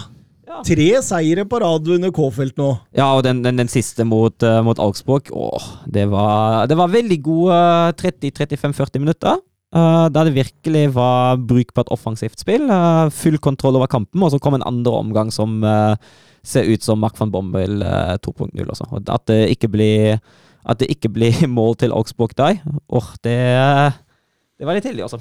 Men, men jeg leste en artikkel nå, eh, kan det ha vært i løpet av denne uka her, om at eh, K-felt er en så mye bedre trener enn det han har fått eh, på en måte ute i Bremen. Ja, fordi at Bremen var et prosjekt som måtte gå til helvete. Ja, og det, det er jo, jeg har, jo vært, jeg har vært inne på det litt før. Det er det håpet jeg har knytta til K-felt. Jeg var jo ikke begeistra for den ansettelsen, og det håpet jeg har, på en måte, er jo at det er akkurat det som du er inne på, at Bremen var så dårlig at ikke, han, ikke engang han kunne redde det, men at det med, var mest skyldt eh, klubben og spillerne istedenfor ham. Ja, det virker jo sånn, i, i hvert fall i forhold til den artikkelen jeg leste, da. Så, så, så, så virker det jo som at det der var Altså, de, de hadde gått ned med Guardiola omtrent. Altså, Mm. det, det, var nesten ikke mulig å redde det. Mm. Og at, eh, at det ikke skjedde før, det er Ja. bare Florian Kofeld sin skyld. Ja. Så, Ja, så, så, så hvis det stemmer, da, og han nå kommer til Wolfsburg som på en måte Altså, det, det, det er jo en klubb som har, jeg synes har handla mye gode spillere den siste tida. Har fått fram eh, altså, Luke Baku, Enemensha, det er jo kjempespennende. Baku Nå Mm. Går det stygge rykter om at han forsvinner neste år. Det kan jo fort skje. Nå har han jo skåra sitt første mål for det tyske landslaget, og riktignok mot Liechtenstein. 8-0 i går, var det 9-0. 9-0 i går. og så var det jo ble jo spilt i Wolfsburg òg, så Ja. det var morsomt, det.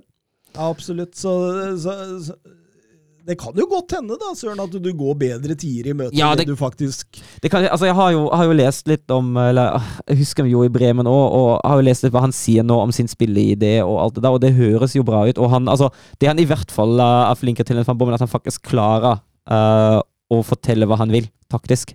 Van Bommel var det, var det bare ja, possession, possession, og så var det ikke så mye mer. Uh, Kofeld ser man faktisk har en plan. Kofeld ser man av en, av en fornuftig fotballtrener på det teoretiske, i hvert fall har det teoretiske på plass. Uh, og det er, jo, det er jo i hvert fall framskritt. Uh, så får vi se. Jeg håper jo at jeg tar grundig feil uh, med min dystre spådom. Jeg var jo ikke begeistra for ansettelsen da den kom. Nei, det så vi den giffen du sendte. Ja, men jeg, jeg, håper, jeg håper inderlig at jeg tar feil. Starten har vært veldig positiv. Eh, så får vi se hvordan det går, går videre. Den Leverkosen-kampen den, var jo- den var jo faktisk uh, ganske bra. Ja, og så um, Før landslagspausen nå, så vant jo RB Leipzig eh, mot Dortmund. Det var en meget viktig kamp for å prøve å henge med, og nok en gang Det er Kristoffer Koko Så dere den? Jeg vet ikke om dere så den kampen, da, men uh, Jo, ja, den ene situasjonen der han danser seg rundt to Dortmund-spillere og setter ballen i stolpen, da, er jo, det er jo magisk. Ja, han er helt enorm. Det er, det er helt sykt. Altså, altså, han får en sesong Konko har hatt, Mm. så langt. Altså, han har spilt litt flere kamper, da, men husker du målet med mål og assist til Salah Benzema? 11-7? Ja. Det er jo samme for en Koko. Ja. Men han har spilt 17 kamper, da, totalt. Det er totalt. Ja. Ja. Eh, men, men det er jo gale-Mathias at Deschamps ikke tar han med i franske landslagstroppen nå.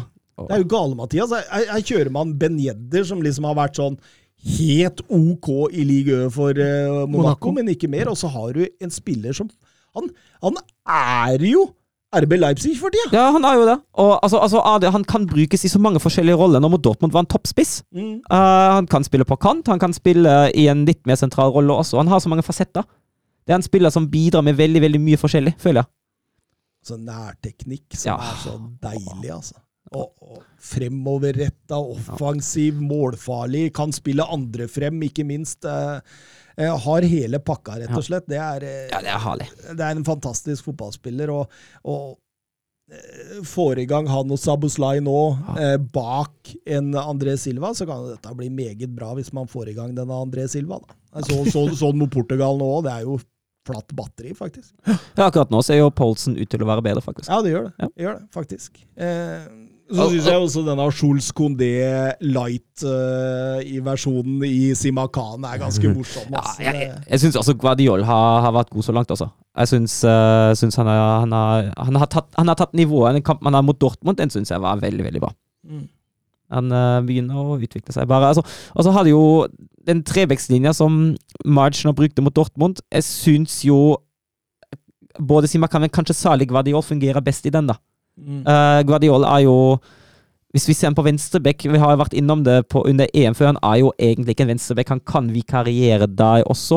Men for et, så, for et lag som Leipzig, som skal egentlig være det førende laget i I hvert fall eh, mot uh, 13-14 lag i Bundesliga, så funker det ikke med en Guardiol der.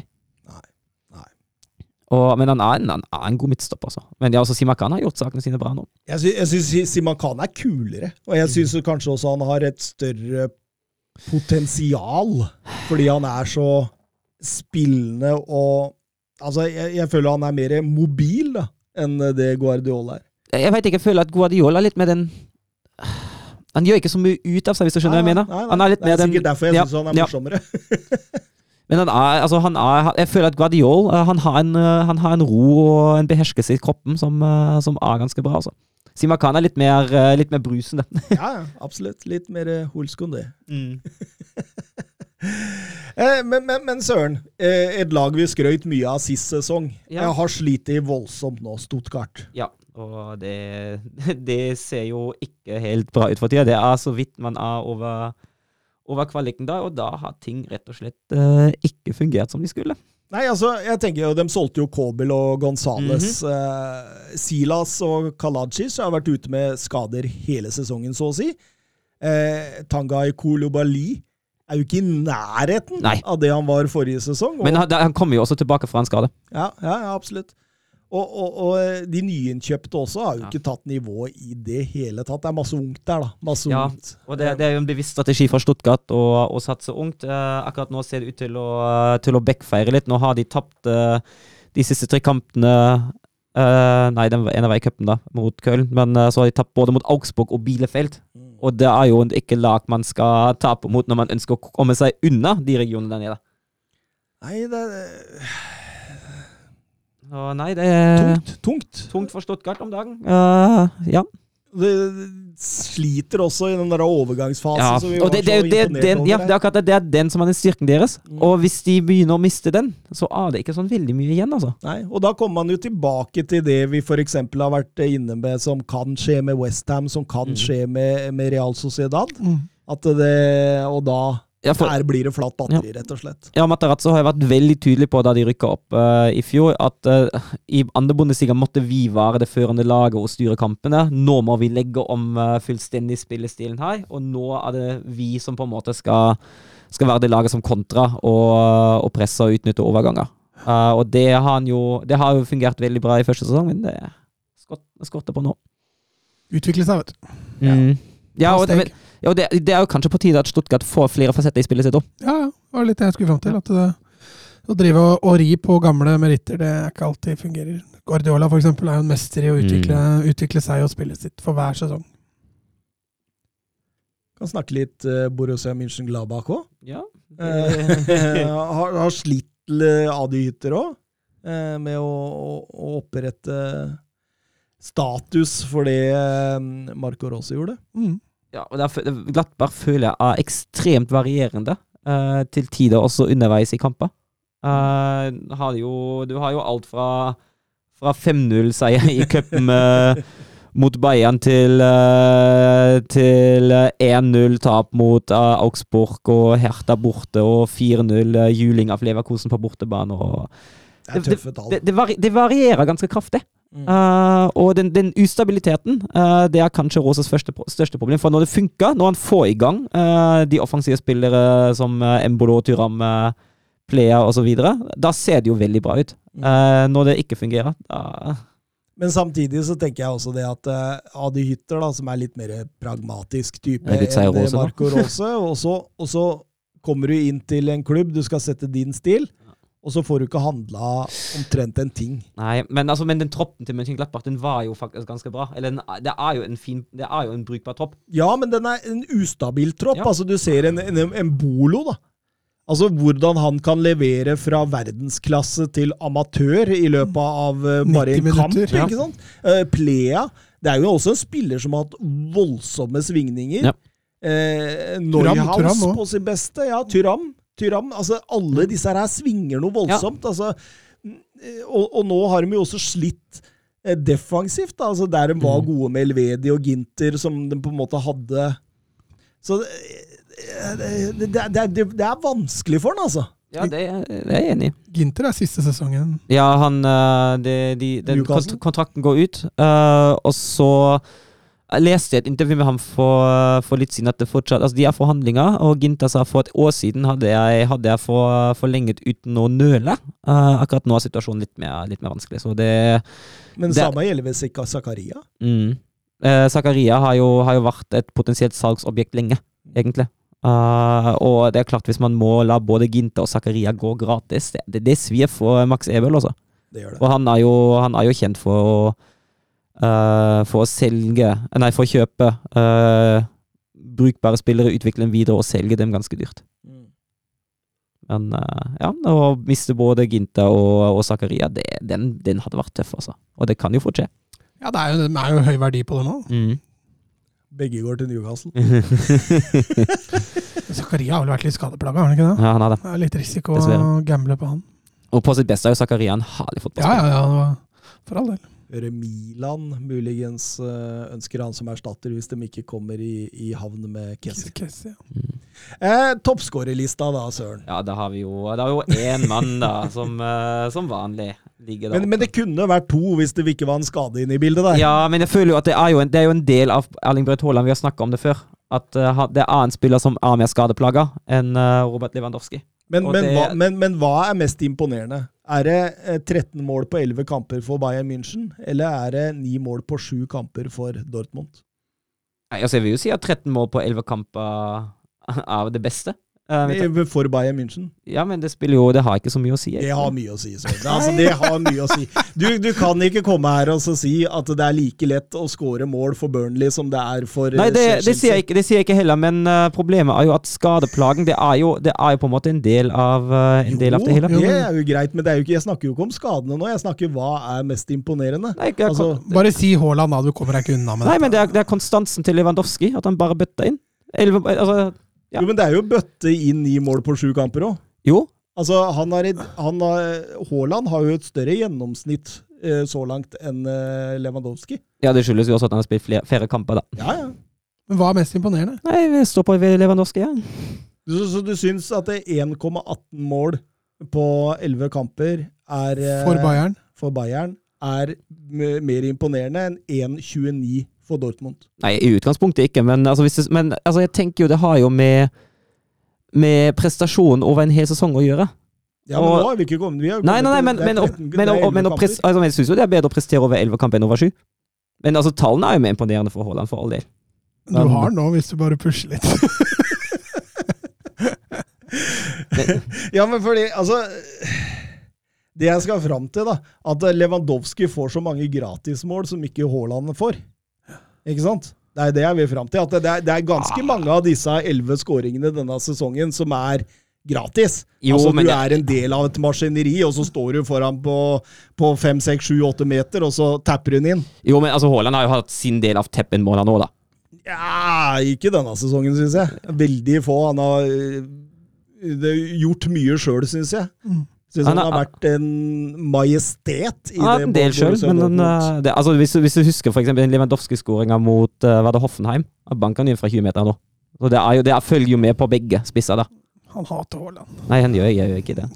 Nei, han gjør ikke det. hater ingen. Nei da, vi får se når Haaland kommer tilbake. Men, Ja, men, Før neste år, det. nei, og det er, jo, det er jo fryktelig dumt for Dortmund, fordi uh, Malen har jo ikke fulgt inn eh, den rollen som, eh, som Haaland har i det hele tatt. Og det, det mangler jo soleklart noe i, eh, i spissen. Og det, er- det er jo en spiss i verdensklasse. Det er det jo. Og det er jo det er også litt han synd at- det, i hvert fall. Ja, det, altså det, det, og det er jo litt synd, fordi det er, jo, det, er jo, det er jo en sesong der man kanskje kunne ha følt litt på at man kunne ha konkurranse om den toppskårertittelen. Ja, Og den, den er jo borte nå. Det er jo det er ikke sjans. det er ikke kjangs nå. Det er ikke kjangs nå. Nå Med mindre Lewandowski også skader seg. Uh, men utenom det er den toppskårertittelen den er kjørt. fire opp for Haaland, ja. Ja, Og og det er fortsatt fire kamper igjen eller noe sånt til eh, Bob Bundesliga tar pause, er det ikke? Ja, det er vel det er seks Seks, ja. ja. Så Lewandowski, hvis han ikke blir skada, så får han seks kamper til til å skaffe forsprang. ja. Og det kan jo fort bli en eh, seks, sju, åtte mål til. Ja, ikke sant. Det kan eh, fort minimum. Og det, det er jo Det er veldig synd, da. For det hadde vært gøy å ha den duellen. Mm. Det har vært gøy å, å ha den uh, Jeg vil ikke si at det, det er Messi Ronaldo, det er å ta det langt, da, men litt sånn, en, en sånn type at man har de to rivaliserende spillerne, de to spissene, som står på en måte for hver sin stil, i de to eh, klubbene i Tyskland som har prega den tyske bondesligaen mest de siste åra. Mm. Det har vært gøy. Men hvis du ser på topp ti-lista her, da, eh, Søren Døpker, hvem, eh, hvem forventer du minst å, å være der? Er det Modest, eller? Ja, Modest har jo kommet seg veldig, altså. Altså, det er jo, det er jo sinnssykt imponerende det, det Baumgart har gjort med Modest, syns jeg. Han var jo borte vekk. Og nå, nå Bøtten skåra også to i, eh, i den cupkampen mot Stuttgart og sikret Kølens avansement på egen hånd som innbytter. Og Eh, Kø- Køllen sitt spillesystem passer den type spill. Ja, det, det gjør jo det. Det er jo, det er jo, det er jo herlig. Uh, og så kan vi jo nevne Jonathan Burkhardt også, som har hatt, uh, hatt eh, veldig bra i Mainz. Begynner å få sitt gjennombrudd. Har vi vært i kontakt med Hansi Flick også, og Flick har sagt at han følger nøye med, og at han ikke er veldig langt unna. Ja, for Burkhardt og Wirtz, der er jo mye av framtida i tysk Mm. fotball. Sånn eh, strålende type spillere begge to. Ligger på åttende- og niendeplass der eh, rett etter hverandre. Burkhardt har vi jo snakka litt om tidligere, at Ja. det er liksom den nye vinen som fortsatt ikke er sånn jeg tror ikke det er mange i Norge som ville når Hvis vi hadde sagt eh, Jonathan Burkhardt, så hadde mange sagt å ja, det er, det er, eh, Mm. det er den offensive midtbanespilleren i Mainz, eller kantspilleren, eller hvor enn han noen ganger brukes. Men Eh, Spiss akkurat nå. ja, han kan brukes som spiss, Mm. ja. han er, men han er jo litt sånn Og, og, og der syns jeg tyskere har vært veldig flinke på å finne offensive typer Altså utvikle offensive typer spillere som på en måte De kan spille i så voldsomt mange posisjoner! Ja, det, og det ser du jo på blant annet Lukas Nevetsja. Han fikk jo sitt debut for, for landslaget nå. Han, I Wolfsburg har han vært både kant, spiss og bak Wehrhost. Mm. Det er, det er herlig. Wirtz er jo det samme. Havertz ja, ser vi på det. Ja, Ja. ikke sant? Det er masse sånne. Du ser hvordan også Sané. Sané, Ja. nå, som omtrent kan være en tier, men samtidig også kan bekle begge kantrollene. Du, eh, Men- morsomt å se på. Baku, som Ja. kan, som kan Ja. spille back. Ja, det, og det, han kan jo spille sentral midtbane nå. Har ikke gjort det så mye i Wolfsburg, men har gjort en del i Mainz. Det, men det har jo, det har jo eh, foregått en, eh, en diskusjon i Tyskland uh, lenge, uh, om I hvert fall etter at Klose la opp, om at nå har vi ingen, ingen rene toppspisser igjen. Nå, nå har vi et problem. Men jeg syns egentlig ikke det er et problem, det er en styrke. På en måte, altså, ja, det er jo det er et problem når du ikke har noen som scorer, men uh, det er jo folk som har mange målpoeng i seg. Sitter Timo Werner og tenker 'jeg er her enda'. Eh, ja. Akkurat nå er han jo skada. Eh, nei, men det er eh, strålende, det. Søren, er det noe mer du vil snakke om i Bundesliga, eller? Nei, egentlig ikke så Vi har gått gjennom eh, mye nå, men vi, vi, vi kan jo ta liksom hva, hva tenker vi framover? Hvem er det som Altså, Bayern stikker jo av, det er vi jo alle det, det, enige om. det gjør vi. Jeg tror altså Leipzig uh, for alvor melder seg nå inn i, uh, i den toppkampen der. Uh, jeg tror Freiburg kommer til å falle etter hvert. Eh, jeg tror Freiburg forsvinner ut der. Eh, og jeg antar Altså Bayern Dortmund Leipzig ser jeg som safe, eh, safe i topp fire, nå som eh, Leipzig har kommet, begynner å Men komme det seg litt blir topp tre, eller? Det blir topp tre, det tror jeg. Eh, og så tror jeg at eh, lag som Wolfsburg, uh, Leverkosen, kanskje Mönchenglattbach uh, kan kjempe om eh, Ikke Freiburg, altså. Kan ikke være med å kjempe en gang om fjerdeplassen. Jeg vet ikke. Jeg, jeg ser ikke for meg at de har det helt i seg. Jeg kan se for meg at Freiburg på en god sesong kan havne, kan havne på sjette-syvende. Bo Svensson har jo Ja, Bo- igjen fått i gang eh, Ja, ja, ja. Mainz. Det ser, jo, det ser jo bra ut, det. Men uh, det skal jo sies at de siste to kampene Mainz hadde, det var jo mot, uh, det var jo mot bunnlag. Ja. Uh, og det har jo Det har jo variert litt der òg. Og den stabiliteten ser jeg ikke helt der ennå. Men at Mainz, jeg tror Mainz får en rolig sesong. Jeg tror Mainz får en sesong der de ikke trenger å tenke så mye på nedrykket. Uh, og så er dette et fint år for dem å havne midt på. Jeg veit hvem som tenker nedrykk. Det, er, altså, Fyr- er borte vekk.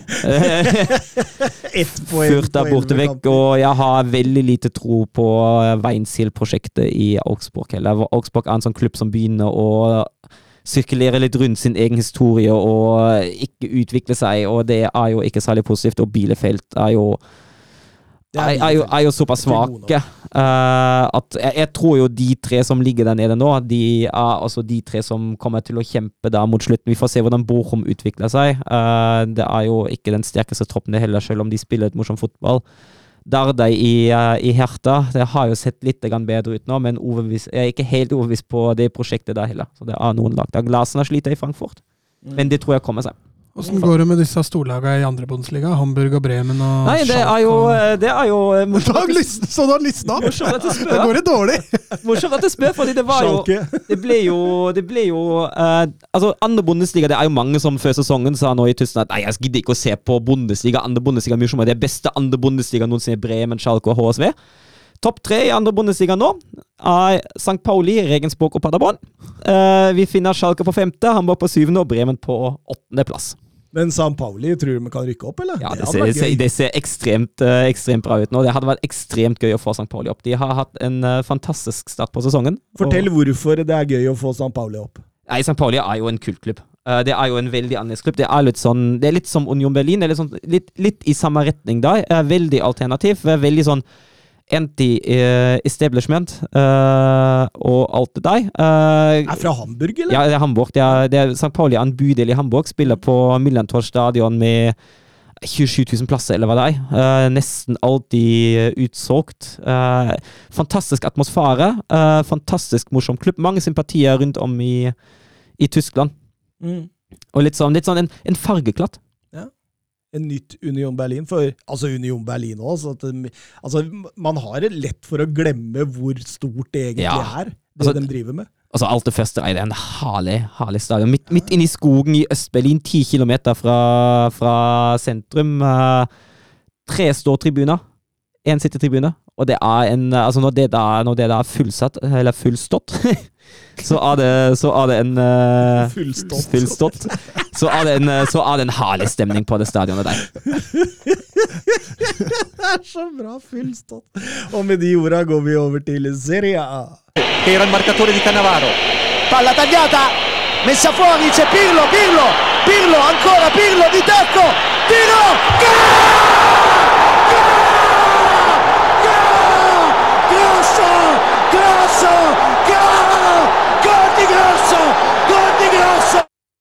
Ja, Serie A. To lag eh, som ikke har tapt der enda, og som har stukket av. eh, Og det, og det matcher resultatene til hverandre hele veien. Det er helt vanvittig å se på. Altså, Napoli og Milan har eh, begge ti seire hver, to uavgjort, null tap. Eh, Napoli har i tillegg sluppet inn fire mål! Men det som er artig, er at når Napoli spiller uavgjort, da spiller Milan uavgjort. Hæ?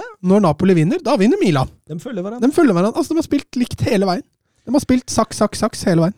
Eh, Det er helt enormt. og det, Jeg må jo innrømme, jeg hadde jo ikke sånn kjempestor tro på Spalletti før sesongen. Nei. Altså, Spalletti altså, Mange vil jo si at han ikke har lykkes siden første Roma-perioden der fra var det vel 05 til 09-10 en eller annen gang der. Eh, dro vi til Zenit der, og så var det na, eh, den andre perioden i Roma var jo svak igjen, og, og fikk det jo heller ikke voldsomt bra til i Inter før Conte eh, tok over. Så eh, Jeg får en, kanskje en liten renessanse nå, men det er jo klart det har jo blitt spilt 12 av eh, 38 kamper. ja, med fire Ja, det er- på de ja. tolv. Ja, og det er, jeg føler jo at Napoli under Spalletti er alt det Juventus igjen vil være under Allegri. Ja. Men ikke jeg akkurat nå. Ja, absolutt. Eh, rutinert bakre firer der med Rui Di Lorenzo, Colobali og Ramani der, som bare tetter igjen foran, eh, foran keeper eh, Pepe Reina, er det vel. Eh, Ja, og Spina har vel også stått. og Spina har vel stått litt, ja.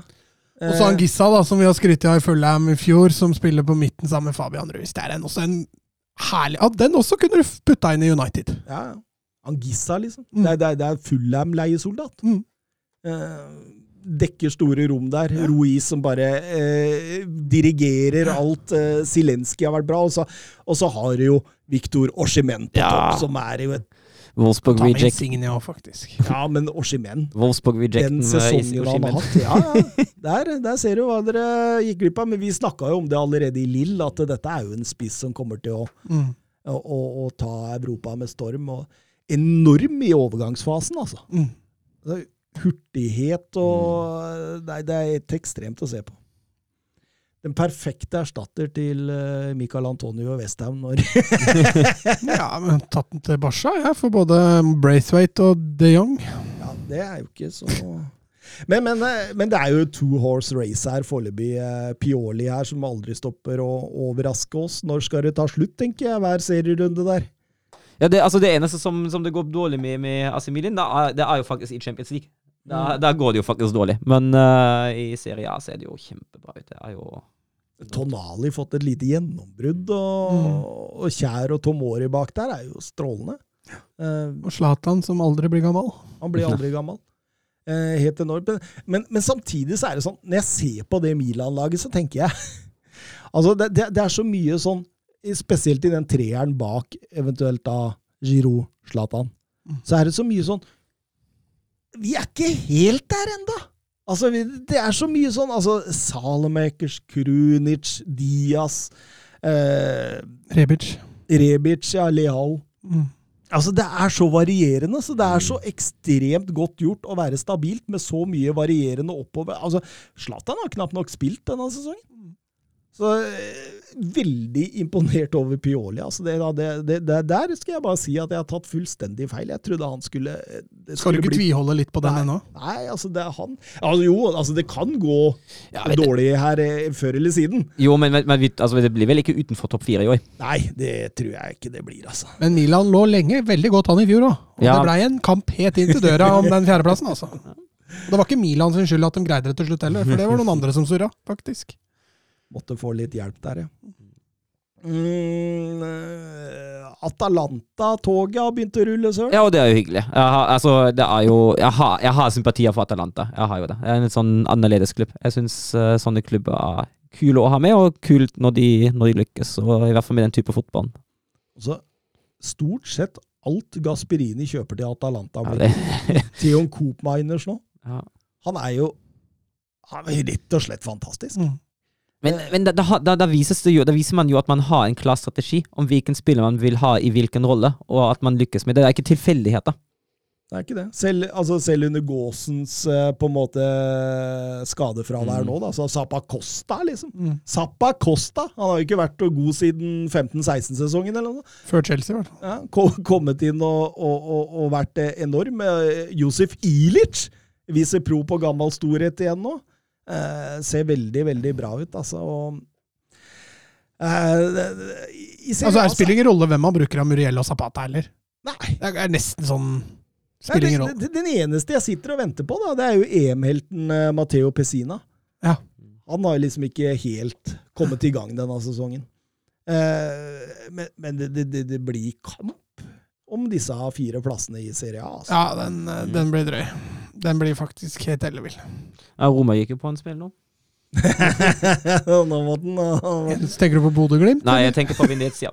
ja, Og det, det er litt fælt, det greiene der, fordi altså eh, Roma eh, etter tapet mot Juventus og det påfølgende 6-1 mot Bodø, i Bodø, så har de kun én seier. Det er mot Cagliari.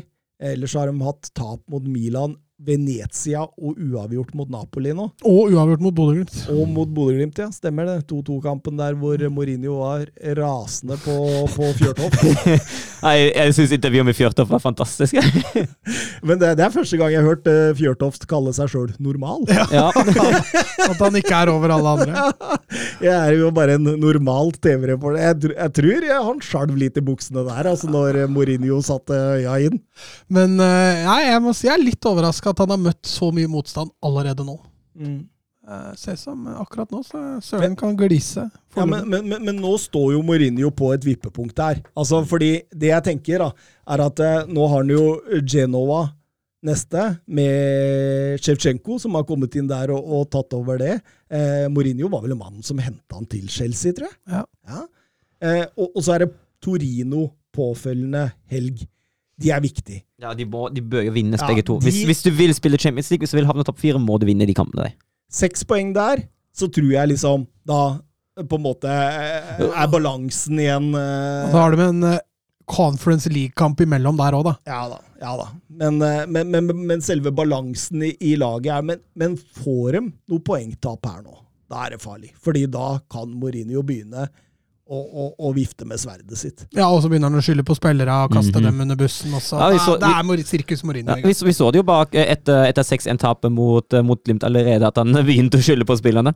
Ja, men det, hva hadde du gjort da på 6-1 i Bodø? Ja, men altså, du- du- du- Hadde faen meg skyld på spillere sjøl, Ja. Så det der, der er ikke godt nok, selv om du spiller med masse reserver. ass. Det var ræva, rett og slett. Jo, jo, men jeg husker Men- du unnskyldte Kom jeg på nå. Du unnskyldte Roma fordi de spilte på kunstgress, og det var blåst og det var kaldt og det var reservespillere. Men de dro jo til Roma og møtte bestelaget til Roma. Jo, men der har de jo tur, det må vi jo si. Ja, Det har ikke Roma på den offside-skåringa heller. Det hadde jo Roma, det. Den skåringa var jo kjempeoffside. Jo da, men de har jo Nei, nei, det Roma men, var men jo- ser du ja. kampen Ja, ja, sett over ja, ja, ja. ett, så må du jo si at uh, Bodø-Glimt hadde tur i Roma. Det At de, at de fikk med seg et poeng der, det kan man godt si var tur, men allikevel så følte jeg ikke dem Ble ikke Nei, overkjørt, Nei liksom. da, men det, det, det Enhver fotball Altså, i åtte av ti vinner du der med en sånn Så type så fire, fotballkamp. fire av fem, da. Men Matte, Matte han, Han, Matte han slo til igjen! Matte-Mats! Søren ser bare tomt inn i veggen. Men, men må få i gang Sanjolo igjen, syns jeg. Fordi, Utvilsomt. Ja. Og Pellegrini, ja, ja, nå har han vært bra, men uh, du ser liksom når han ikke Du så mot Bodø-Glimt. Når han da ikke blir med, og så har du da Sanjolo, når han ikke får det til Da mister mye. Abraham syns jeg var en ja, men han blir, Abraham blir for mye i ryggen mot mål. mm. Altså, det- De trenger liksom Nå nå ryktes det om Botheim, da. Det hadde vært funny. Og Knutsen bare Ja, de kjøpte jo Abraham for 400 millioner, så Litt cocky der.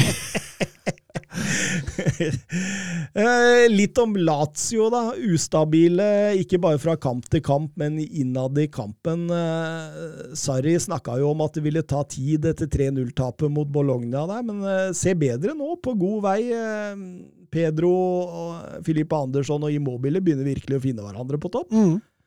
Så det kan jo bli et av årets kjøp, dette, Filippa Andersson. Ja, han, eh, han har vært stående så Tre millioner euro. Ja, herregud. Ja, det er et kupp. Det annonserte vi vel før eh, sesongen òg. Ja, det er jo helt enormt. Og, og sånn han tar Serie A nå, han er jo fantastisk ut på høyrekanten der. Um, men hvis vi ser bort fra Napoli og Milan, så er det vel Hellas Verona som er det beste laget i Serie A for tida. Hvis vi ser bort fra Uh, Napoli og Milan. Med tanke på ressurser og hva de presterer. Ja, og så, sånn i forhold til eh, resultatene de siste kampene. Altså, etter at Igor Tudor tok over for Eusebio di Francesco i midten av september, så har de vel kun tapt mot Milan borte. Eh, og, og det var også en kamp hvor Hellas Verona var bedre Mm. enn en Milan. Det var seier mot Lazio. Juventus uavgjort mot uh, Napoli. Napoli. Og det, ja, Den med ti mann. ja, så det er jo altså Plutselig da, så har han begynt å se liksom sånn livlig fremover. Presspillet, energien er tilbake, klare, klare rollefordelinger. Eh, vi har fått tilbake dette mini-Atalanta som vi, vi, vi hadde før eh, Eusebio di Francesco tok over. da. Mm. Og, og Gio- Giovanni Simione ser jo fantastisk ut nå. Det er jo spilleren vi bare har egentlig ledd av. Har vært en parentes. Eh, Spennende Ivan Ilic. Barak der, som jobber nydelig bak linjene der. eh, Som en av de to hengende bak. Eh, Tudor, dette her, det blir morsomt å se framover. Altså, hva, hvor mange poeng bak er de? Fire bak Nei, unnskyld. Seks Bak Champions League, eller seks bak bak Atalanta. Seks bak Og tre bak, bak sjetteplassen Roma. Da kan du tenke på at de begynte jo ikke å spille fotball før i runde seks, sju, åtte. Mhm. Så dette ser bra ut, Mats. Ja, det er lovende. De ligger bare to poeng bak Juventus også. Så. Så er det litt funny, da, at eh, Juventus hadde kanskje kunnet oppgradere assistenten når Pirlo måtte gå. Istedenfor Hente Allegri. for dette Juventus-laget nå. Ja, nå vant de vel før landslagspausen, men, men det ser eh, ut, altså. det ser ut. Vant 1-0 mot Fiorentina, altså. Jeg vet ikke hvor lenge vi skal stå i dette her. jeg, jeg, jeg, jeg, jeg, jeg har vingla for lengst. jeg. Begynner å se blytungt ut, dette her. Jeg har vingla etter, etter hele stappet. Da har jeg Snart ruller en på e- 1-0-seier Men det trodde vi jo. Det, det så jo sånn ut i en liten periode. Ja. Og så kom, de, kom den, denne mørke, mørke uka med midtuketap mot Sassolo og helgetap mot, eh, mot Hellas Verona, og da var det sånn, ja. Men er stallen bra nok? Ja. Til å vinne serien? Ja. Jeg syns den midtbanen jeg synes den sliter. Jeg syns Stallen er bra nok. altså Du finner jo ikke ett lag i Serie A som er liksom komplette. Nei, synes syns Juventus men er Jeg syns den det. midtbanen, da. Jeg syns den er så langt unna. Jeg syns det, altså, det er ingen kreativitet der, omtrent. Det er nesten Altså, det er masse like typer spillere. McKenny Mm. der, du har han eh, Locatelli, du har Rabiot, Ramsey. du har uh, Ramsey, Bentancour. Bentancur, ja. Det er liksom Det er de, de er liksom Altså, Locatelli er jo bra, men, men, men han må jo ha en kreativ ved siden av seg. Mm. Og, og, og når du da Altså, Allegri er så Han, han er så i villrede at han kjører Danilo opp i midtbaneleddet innimellom. Mm. Danilo, liksom! City reject. Ja, så du, du, du sitter jo der og tenker eh, at de sliter noe voldsomt. Da. Altså, når Chiesa ikke er på topp, Kulisevski altså, De har jo ikke Morata er jo Morata.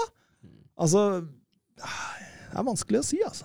Nei, men altså, men hvis du sammenligner med de andre troppene i Serie A, hvilken tropp syns du er mye, så mye bedre, da? Det er liksom det som er spørsmål. Som Mats, har- Mats har vært inne på det. Men jeg spør Altså, jeg vil si at, Jeg syns Inter sin er bedre. Jeg syns uh, Atalanta sin er uh, bedre. Jeg syns uh, Når du ser, altså nå, nå hyller du jo mye av lag og system, da, ja, føler jeg. Det, det, er- det. Altså Hvis du ser gjennom enkeltspillere, så, så syns jeg ikke det er noen klubber i Serie A som overgår Juventus. Men jeg syns midtbanen er så dårlig at Jo, jo, de, er- trekker så jævlig ned, da.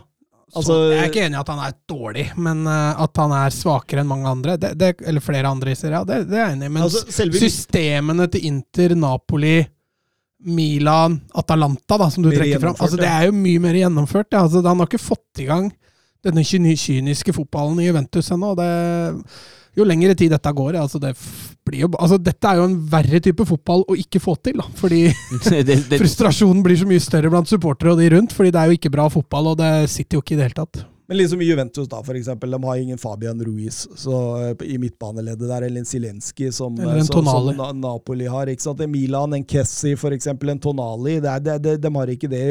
Inter, Barella, for eksempel, Brozovic. Det, vi er ikke der heller. Ikke sant? Og, og, og Roma, de har jo ingen Pellegrini der, en Sanjolo, noen som kan eh, En sånn type spiller hadde jo glidd rett inn i, i, i et Juventus-lag. Så men ja, vi er enige at det er mangelfullt, men de føler fortsatt at troppen i seg sjøl er god nok til å vinne serien. Det er ikke altså det, vi, vi Alexandro var lenge siden han var god, vet du. Men vi- Codrado er jo ikke voldsomt god defensivt på denne høyre back-rollen sin. og- vi snakker fortsatt en av de aller beste troppene i serien. Altså. Jo, jo, jo. jo Så troppen er men, men, men, Ja, men og, og det, er, det er absolutt god nok tropp til å vinne den serien der, altså. Til tross for ja, men hvem er det som gjør det laget Hvem, hvem spiller i, eh, på det Juventus-laget gjør det laget til at det absolutt er godt nok til å vinne serien? Det er jo troppen i sin helhet. Ja, men, men, men har jo hva da? mye gode enkeltspillere, da, som Bonucci, Cellini, Ja, men de er, jo, Dybala. de er jo 40-50 år snart. Jo, men de er jo fortsatt gode fotball. De vant jo akkurat EM, da! Jo, jo, men, eh, men Det er jo fortsatt å gode fotballspillere. Da vinner du EM over sju kamper, ikke sant? Ja, Ja. Så da, Men altså, det er jo tullete å si at de ikke holder Nei, mål. altså, de, men, men ta troppen i, i sin helhet. Ja. Men da må Er, sammenligne. er den god nok for å vinne serien? Den var jo det. Vi var jo enstemmige om at det var den før Jo. sesongen. Det er greit nok, men så har jeg sett, satt meg ned og så dypdykka i den troppen. Og så ser jeg jo klare mangler inn. Altså, jeg ser klare mangler på backplasser. Jeg ser klare mangler i to av tre eh, sentralt i banen. Jeg ser klare mangler eh, på topp. Hvem skal skåre 15-20 mål? Jeg ser klare mangler på keeperplass i eh, Stensny. Ja, altså Stensny er jeg enig i. Men Den er altså, jeg også veldig enig i. Bekk, bekkene er jo fortsatt høy klasse på. Altså Det er ikke verdensklasse, men det er høy klasse. Danilo, Alexandra altså De er ikke kanskje det de var. Alexandra. Alexandra. Alex Sandro. Eh, Cuadrado. Altså det er høy klasse på disse. Altså Det er ikke dårlige fotballspillere. Eh, på stoppeplass så har de jo Kelini, de har Bonucci, de har Delict. Altså, det er bra bredde der også. eh, og på midten, altså Ja, den er ikke den beste i serien, A, men Rabiot, Bentancour, eh, Locatelli Altså, dette er gode fotballspillere. Altså, Altså. altså, er altså, altså, altså, fotballspillere. altså er det ikke spørsmålet jo, jo, altså kan du diskutere variasjonen og de forskjellige styrkene, men det er jo gode fotballspillere. Altså er ikke spørsmålet heller Er de toppfavoritt, er de soleklar favoritt til å vinne serien? Er spørsmålet er, er troppen god nok, og det er han definitivt. Er de, er de, har de en tropp som ligger langt fra um, langt foran alle andre? Nei, det har de ikke. Men at troppen mangler kvalitet til å kunne vinne, nei, det ser jeg ikke, altså. Altså, ja, jo, jeg ser jo mangler, men jeg ser fortsatt Mye mer sammensatt tropp i f.eks. i Napoli og Inter, syns jeg. Mye mer altså, eh, ulike typer i ulike eh, lagdeler som gjør at det, helheten i troppen blir mye bedre. Da. Ja, så har vi jo ikke nevnt kanskje den beste spilleren til Juventus offensivt, da, i Chiesa, uh, Kulusevski. Altså, det, det er mye Det er mye kvalitet der som bør som bør være nok. Kulisevskij sitter bare på benken. Chiesa er mye skada. Chiesa har spilt vel mot Fiorentina, tror jeg. Ja, jeg tror det. Um, ja, Kulisevskij Kulusevski har fått lite spilletid i år. Arthur har jo vært skandale, egentlig. Ja, Så Han har vært tilbakespill. ja. Og så har de henta han unge spissen, han brasilianeren, Caio Jorge. Mm. Han også er et stort talent. Altså, det er mye kvalitet i det Juventus-laget der, og at de ligger så langt bak som de gjør nå, det er egentlig Det skal ikke være mulig. Ja, det er i hvert fall ikke. Altså, det i hvert fall ikke begrunnet med Altså, troppen er ikke så dårlig. Nei. Det er i hvert fall ikke. Det er ikke så dårlig, men uh, det er ikke noe klar uh, Serie A-kandidat. Det, det er det jeg skulle fram til. Nei, de, de, er ikke topp, de er kanskje ikke toppfavoritter fra topp, men de er fortsatt gode nok. Definitivt. I mine øyne. Ja, Jeg altså, syns tabellen det er viser ikke- det at de ikke er det nå, for å være helt ærlig. Jo, jo. Altså, Pirlo kanskje gjorde en bedre jobb i fjor enn det som, ja enn det som kanskje Men altså, så har de mista Ronaldo, da, siden vi hadde tabelltips. har de ikke gjort det. Ja, det er klart. Det er klart. Og det er jo 20-30 mål. Du mister Ronaldo, det var. Nei, det er, det, er, det er vanskelig å si, altså. Det er vanskelig å si med dette Juventus-laget. Eh, men eh, jeg syns tabellen eh, backer det jeg Altså, Allegri er en av verdens beste fotballtrenere. Og han har vært det i, eh, på hele 2010 og utover, så har han vært en av verdens beste fotballtrenere. Så Ja, men når da en av verdens fortsatt- beste fotballtrenere tar over eh, et av eh, Italias beste fotballag, så bør det jo være mye bedre enn dette. Men ja, Ja, men det er jeg enig i. det er jeg jo enig i, men uh, jeg syns det Legen må jo ta sin del av skylda for det her, jo. Altså, man kan ikke bare si at han er en av verdens beste fotballtrenere. Det er det bra, det han gjør. Men, men, men, men jeg tenker Pirlo, da. Ja. I fjor. Det var jo ikke Altså, uten Ronaldo så hadde det gått enda verre. Ja, men Pirlo er jo i hvert fall ikke etablert som en av verdens beste fotballtrenere. Og vi har kritisert Pirlo en god del for det han har gjort. Jo, jo. Men det er som Mats sier, da. Kanskje den jobben var bedre enn vi trodde. Jo, men Hadde du dytta Ronaldo inn i det laget her, så hadde du hatt flere mål. vet du. Trolig. Trolig. Trolig. Nei, eh, skal vi ta en titt på eh, toppskårertittelen i Mobile? Det var kanskje ikke overraskende. Trone på topp. Ronaldo er ikke der. Ronaldo er ikke der, men uh, følges opp av Giovanni Simione og Dusan Vlahovic. Uh, Dusan Vlahovic som blir jo Han blir jo spekulert rundt i halve Europa nå, har vel sagt også det at jeg skriver ikke ny kontrakt med Fiorentina, så det ser ut som det kommer til å skje et bytte der etter hvert. Ja, og det er jo kanskje på tide for ham å, å finne seg en uh, ny klubb og videreutvikle seg. Mm. Han er jo nå i en, i en alder hvor i- Han har jo etablert seg nå, såpass uh, som spiss, og er vel 21 år nå. Så ja, Mm. Spennende spiller. Ja, det er, det er en fantastisk spennende spiller. Han har liksom Det er sånn Haaland light over. Mm. Ikke så gjennombruddshissig, riktignok, men har bra fart, har bra styrke. Bra ferdigheter. bra ferdigheter, ja. Og åpenbart en spiller som uh, har tiltråkket mye oppmerksomhet. Uh, Arsenal har vel vært ute etter han, men uh, det går rykter om at representanten hans tar ikke telefonen fra Arsenal engang, så Det blir spennende å se hva som skjer der. Eh, eh, Ellers så er det jo Jeg finner Marko Arnatovic på topp fire òg, jeg. Ja, med fem mål for, eh, for Bologna. Det er artig, Mats. Det er artig, Mats. Ja. Det er type. Det er eh, type Barella eh, leder assistligaen med fem assist på tolv kamper. Barella er jo en Ja, det, er jo en herlig fotballspiller. Det er jo kanskje best i Serie A, eller? Han er i hvert fall eh, tett på. Mm. Han inn i Juventus, det hadde gjort noe. ja, jeg- Han inn i et hvilket som helst fotballag, jeg tror egentlig. han har Altså. glidd inn ganske mange steder, faktisk. Vi går til Ligue Ø. sur la frappe de Messi de, De de Mercado, Mercado, oui. Mercado, et, et là aussi on a un petit peu de réussite. Griezmann sur l'appui, c'était bien joué avec Giroud. Oh, Dan. Oh, il l'a vu Oui. Kylian Mbappé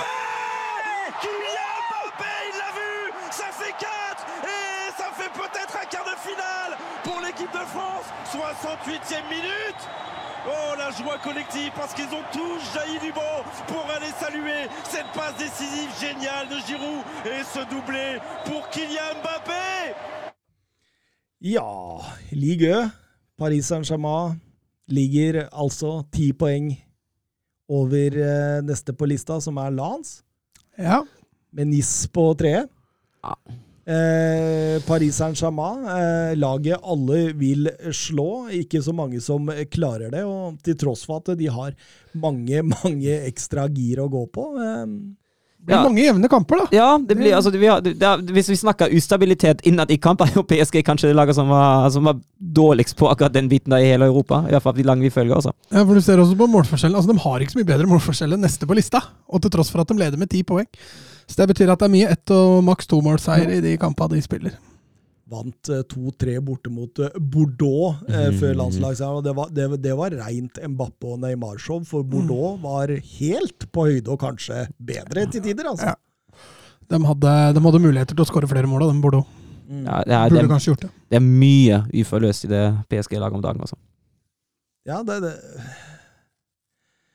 det er, er League Ø klare med å motivere seg? Jeg, jeg er litt der, jeg. Ja, men altså, du, de Altså ikke, Den Champions League-kampen mot Leipzig var da ikke en oppvisning av uh, høy klasse, den heller, altså. 2-2 borte. Men de får jo, altså, de har tapt én i ligaen. De, de får jo resultata. Ja da, de tyner, de tyner ut. Uh, og med tanke på at lagene bak snubler jo stadig vekk, så det blir jo Ja, det kom, de kommer til å vinne med god margin. Men, men, men samtidig da, så er det sånn Vi har jo snakka episode inn og episode ut om dette 3-4-3-systemet. Nå er Ramos snart klar. Trenger bare litt trening for å komme tilbake. Får vi endelig svar på vi, om vi noen gang Nei, Jeg, tror ikke, jeg tror ikke vi får 3-4-3. Jeg tror ikke Pochettino vil spille 3-4-3. jeg tror ikke Og det Hvor går Ramos inn da? Nei, enten i firebekslinjen eller på benken.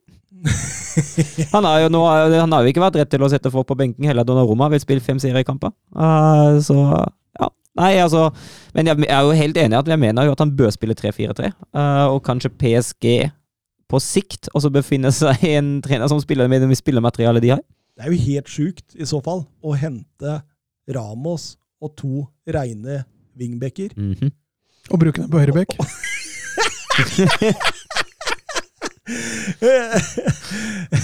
Men å hente Ramos da, i allerede der du har Kim Pembe og, eh, Marquinhos. og Marquinhos, og så og, og så to reine wingbacker i Hakimi og Mendes, Ja. og så skal du fortsette å spille fire bak. Det er jo, det er jo ganske vilt. Ja, det hadde vært eh, Ja, vi får jo endelig svar når ja, Ramos er, er tilbake igjen.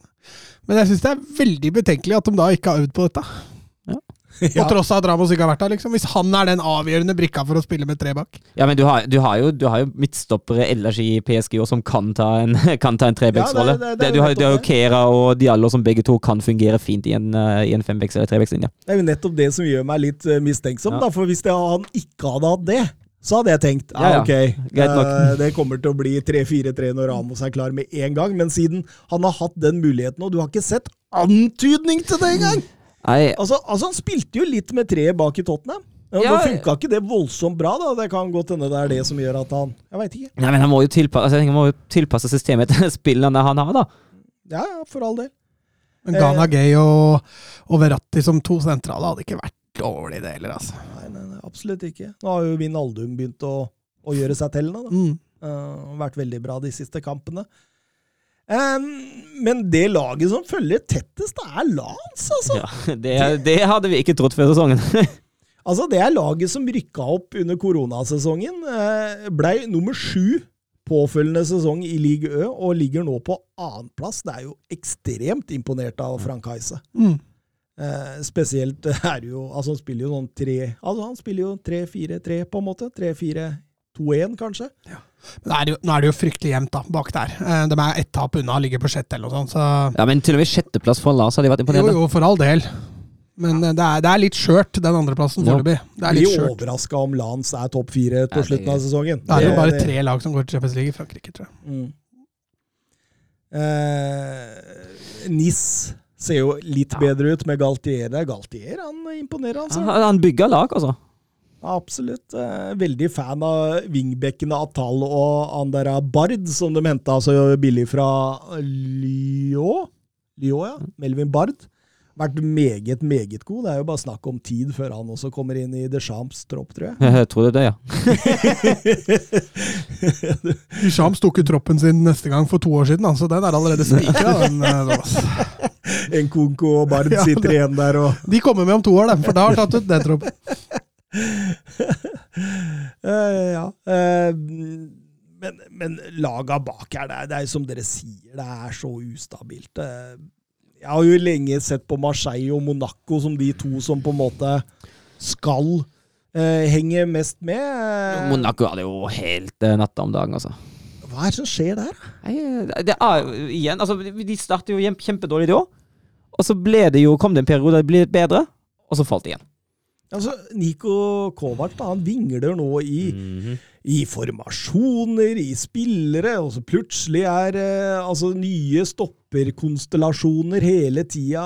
Eh, det, det, det ser vanskelig ut for han, altså. Det ble vel ett poeng nå samla i siste to kampene mot eh, storlagene Reim og Brest, så Ja, Lille å skuffe litt. mm.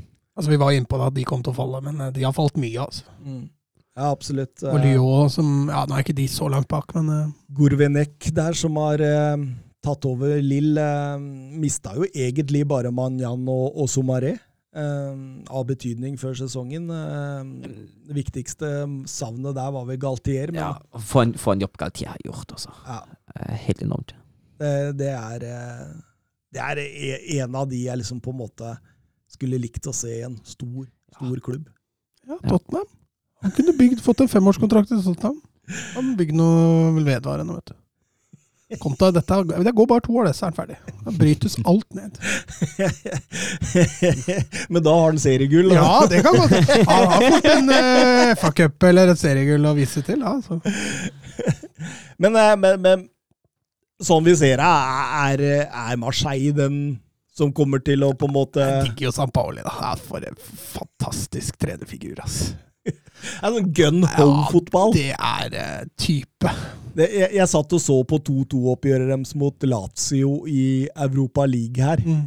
Og så satt jeg og tenkte på at, eh, at det, det er litt sånn Litt Bielsa møter Ungarns 2-3-3-2-formasjon fra 50-tallet, liksom. det er liksom sånn eh, Utrolig morsomt, men, men så, så la jeg merke til Saliba. For en stopper han har blitt! Ja, ja. Ja, et par møtte PSG. Da var han jo helt rå. Uh, Arsenal. Arsenal. Arsenal. Bare hatt inn han der nå, så hadde det sett straks mye bedre ut. Jeg veit ikke om de har sånn der recall-greie på den, men Jo, men uh, nå har de jo fått White og, eh, og Gabriel til å fungere ok. Men det er klart, da kan de jo skyve White opp inn eh, sittende på midten. da. det, går, det går an. Han er jo strålende der, og dessuten så er det jo ikke så lenge til Gabriel ryker på en skadehell, så det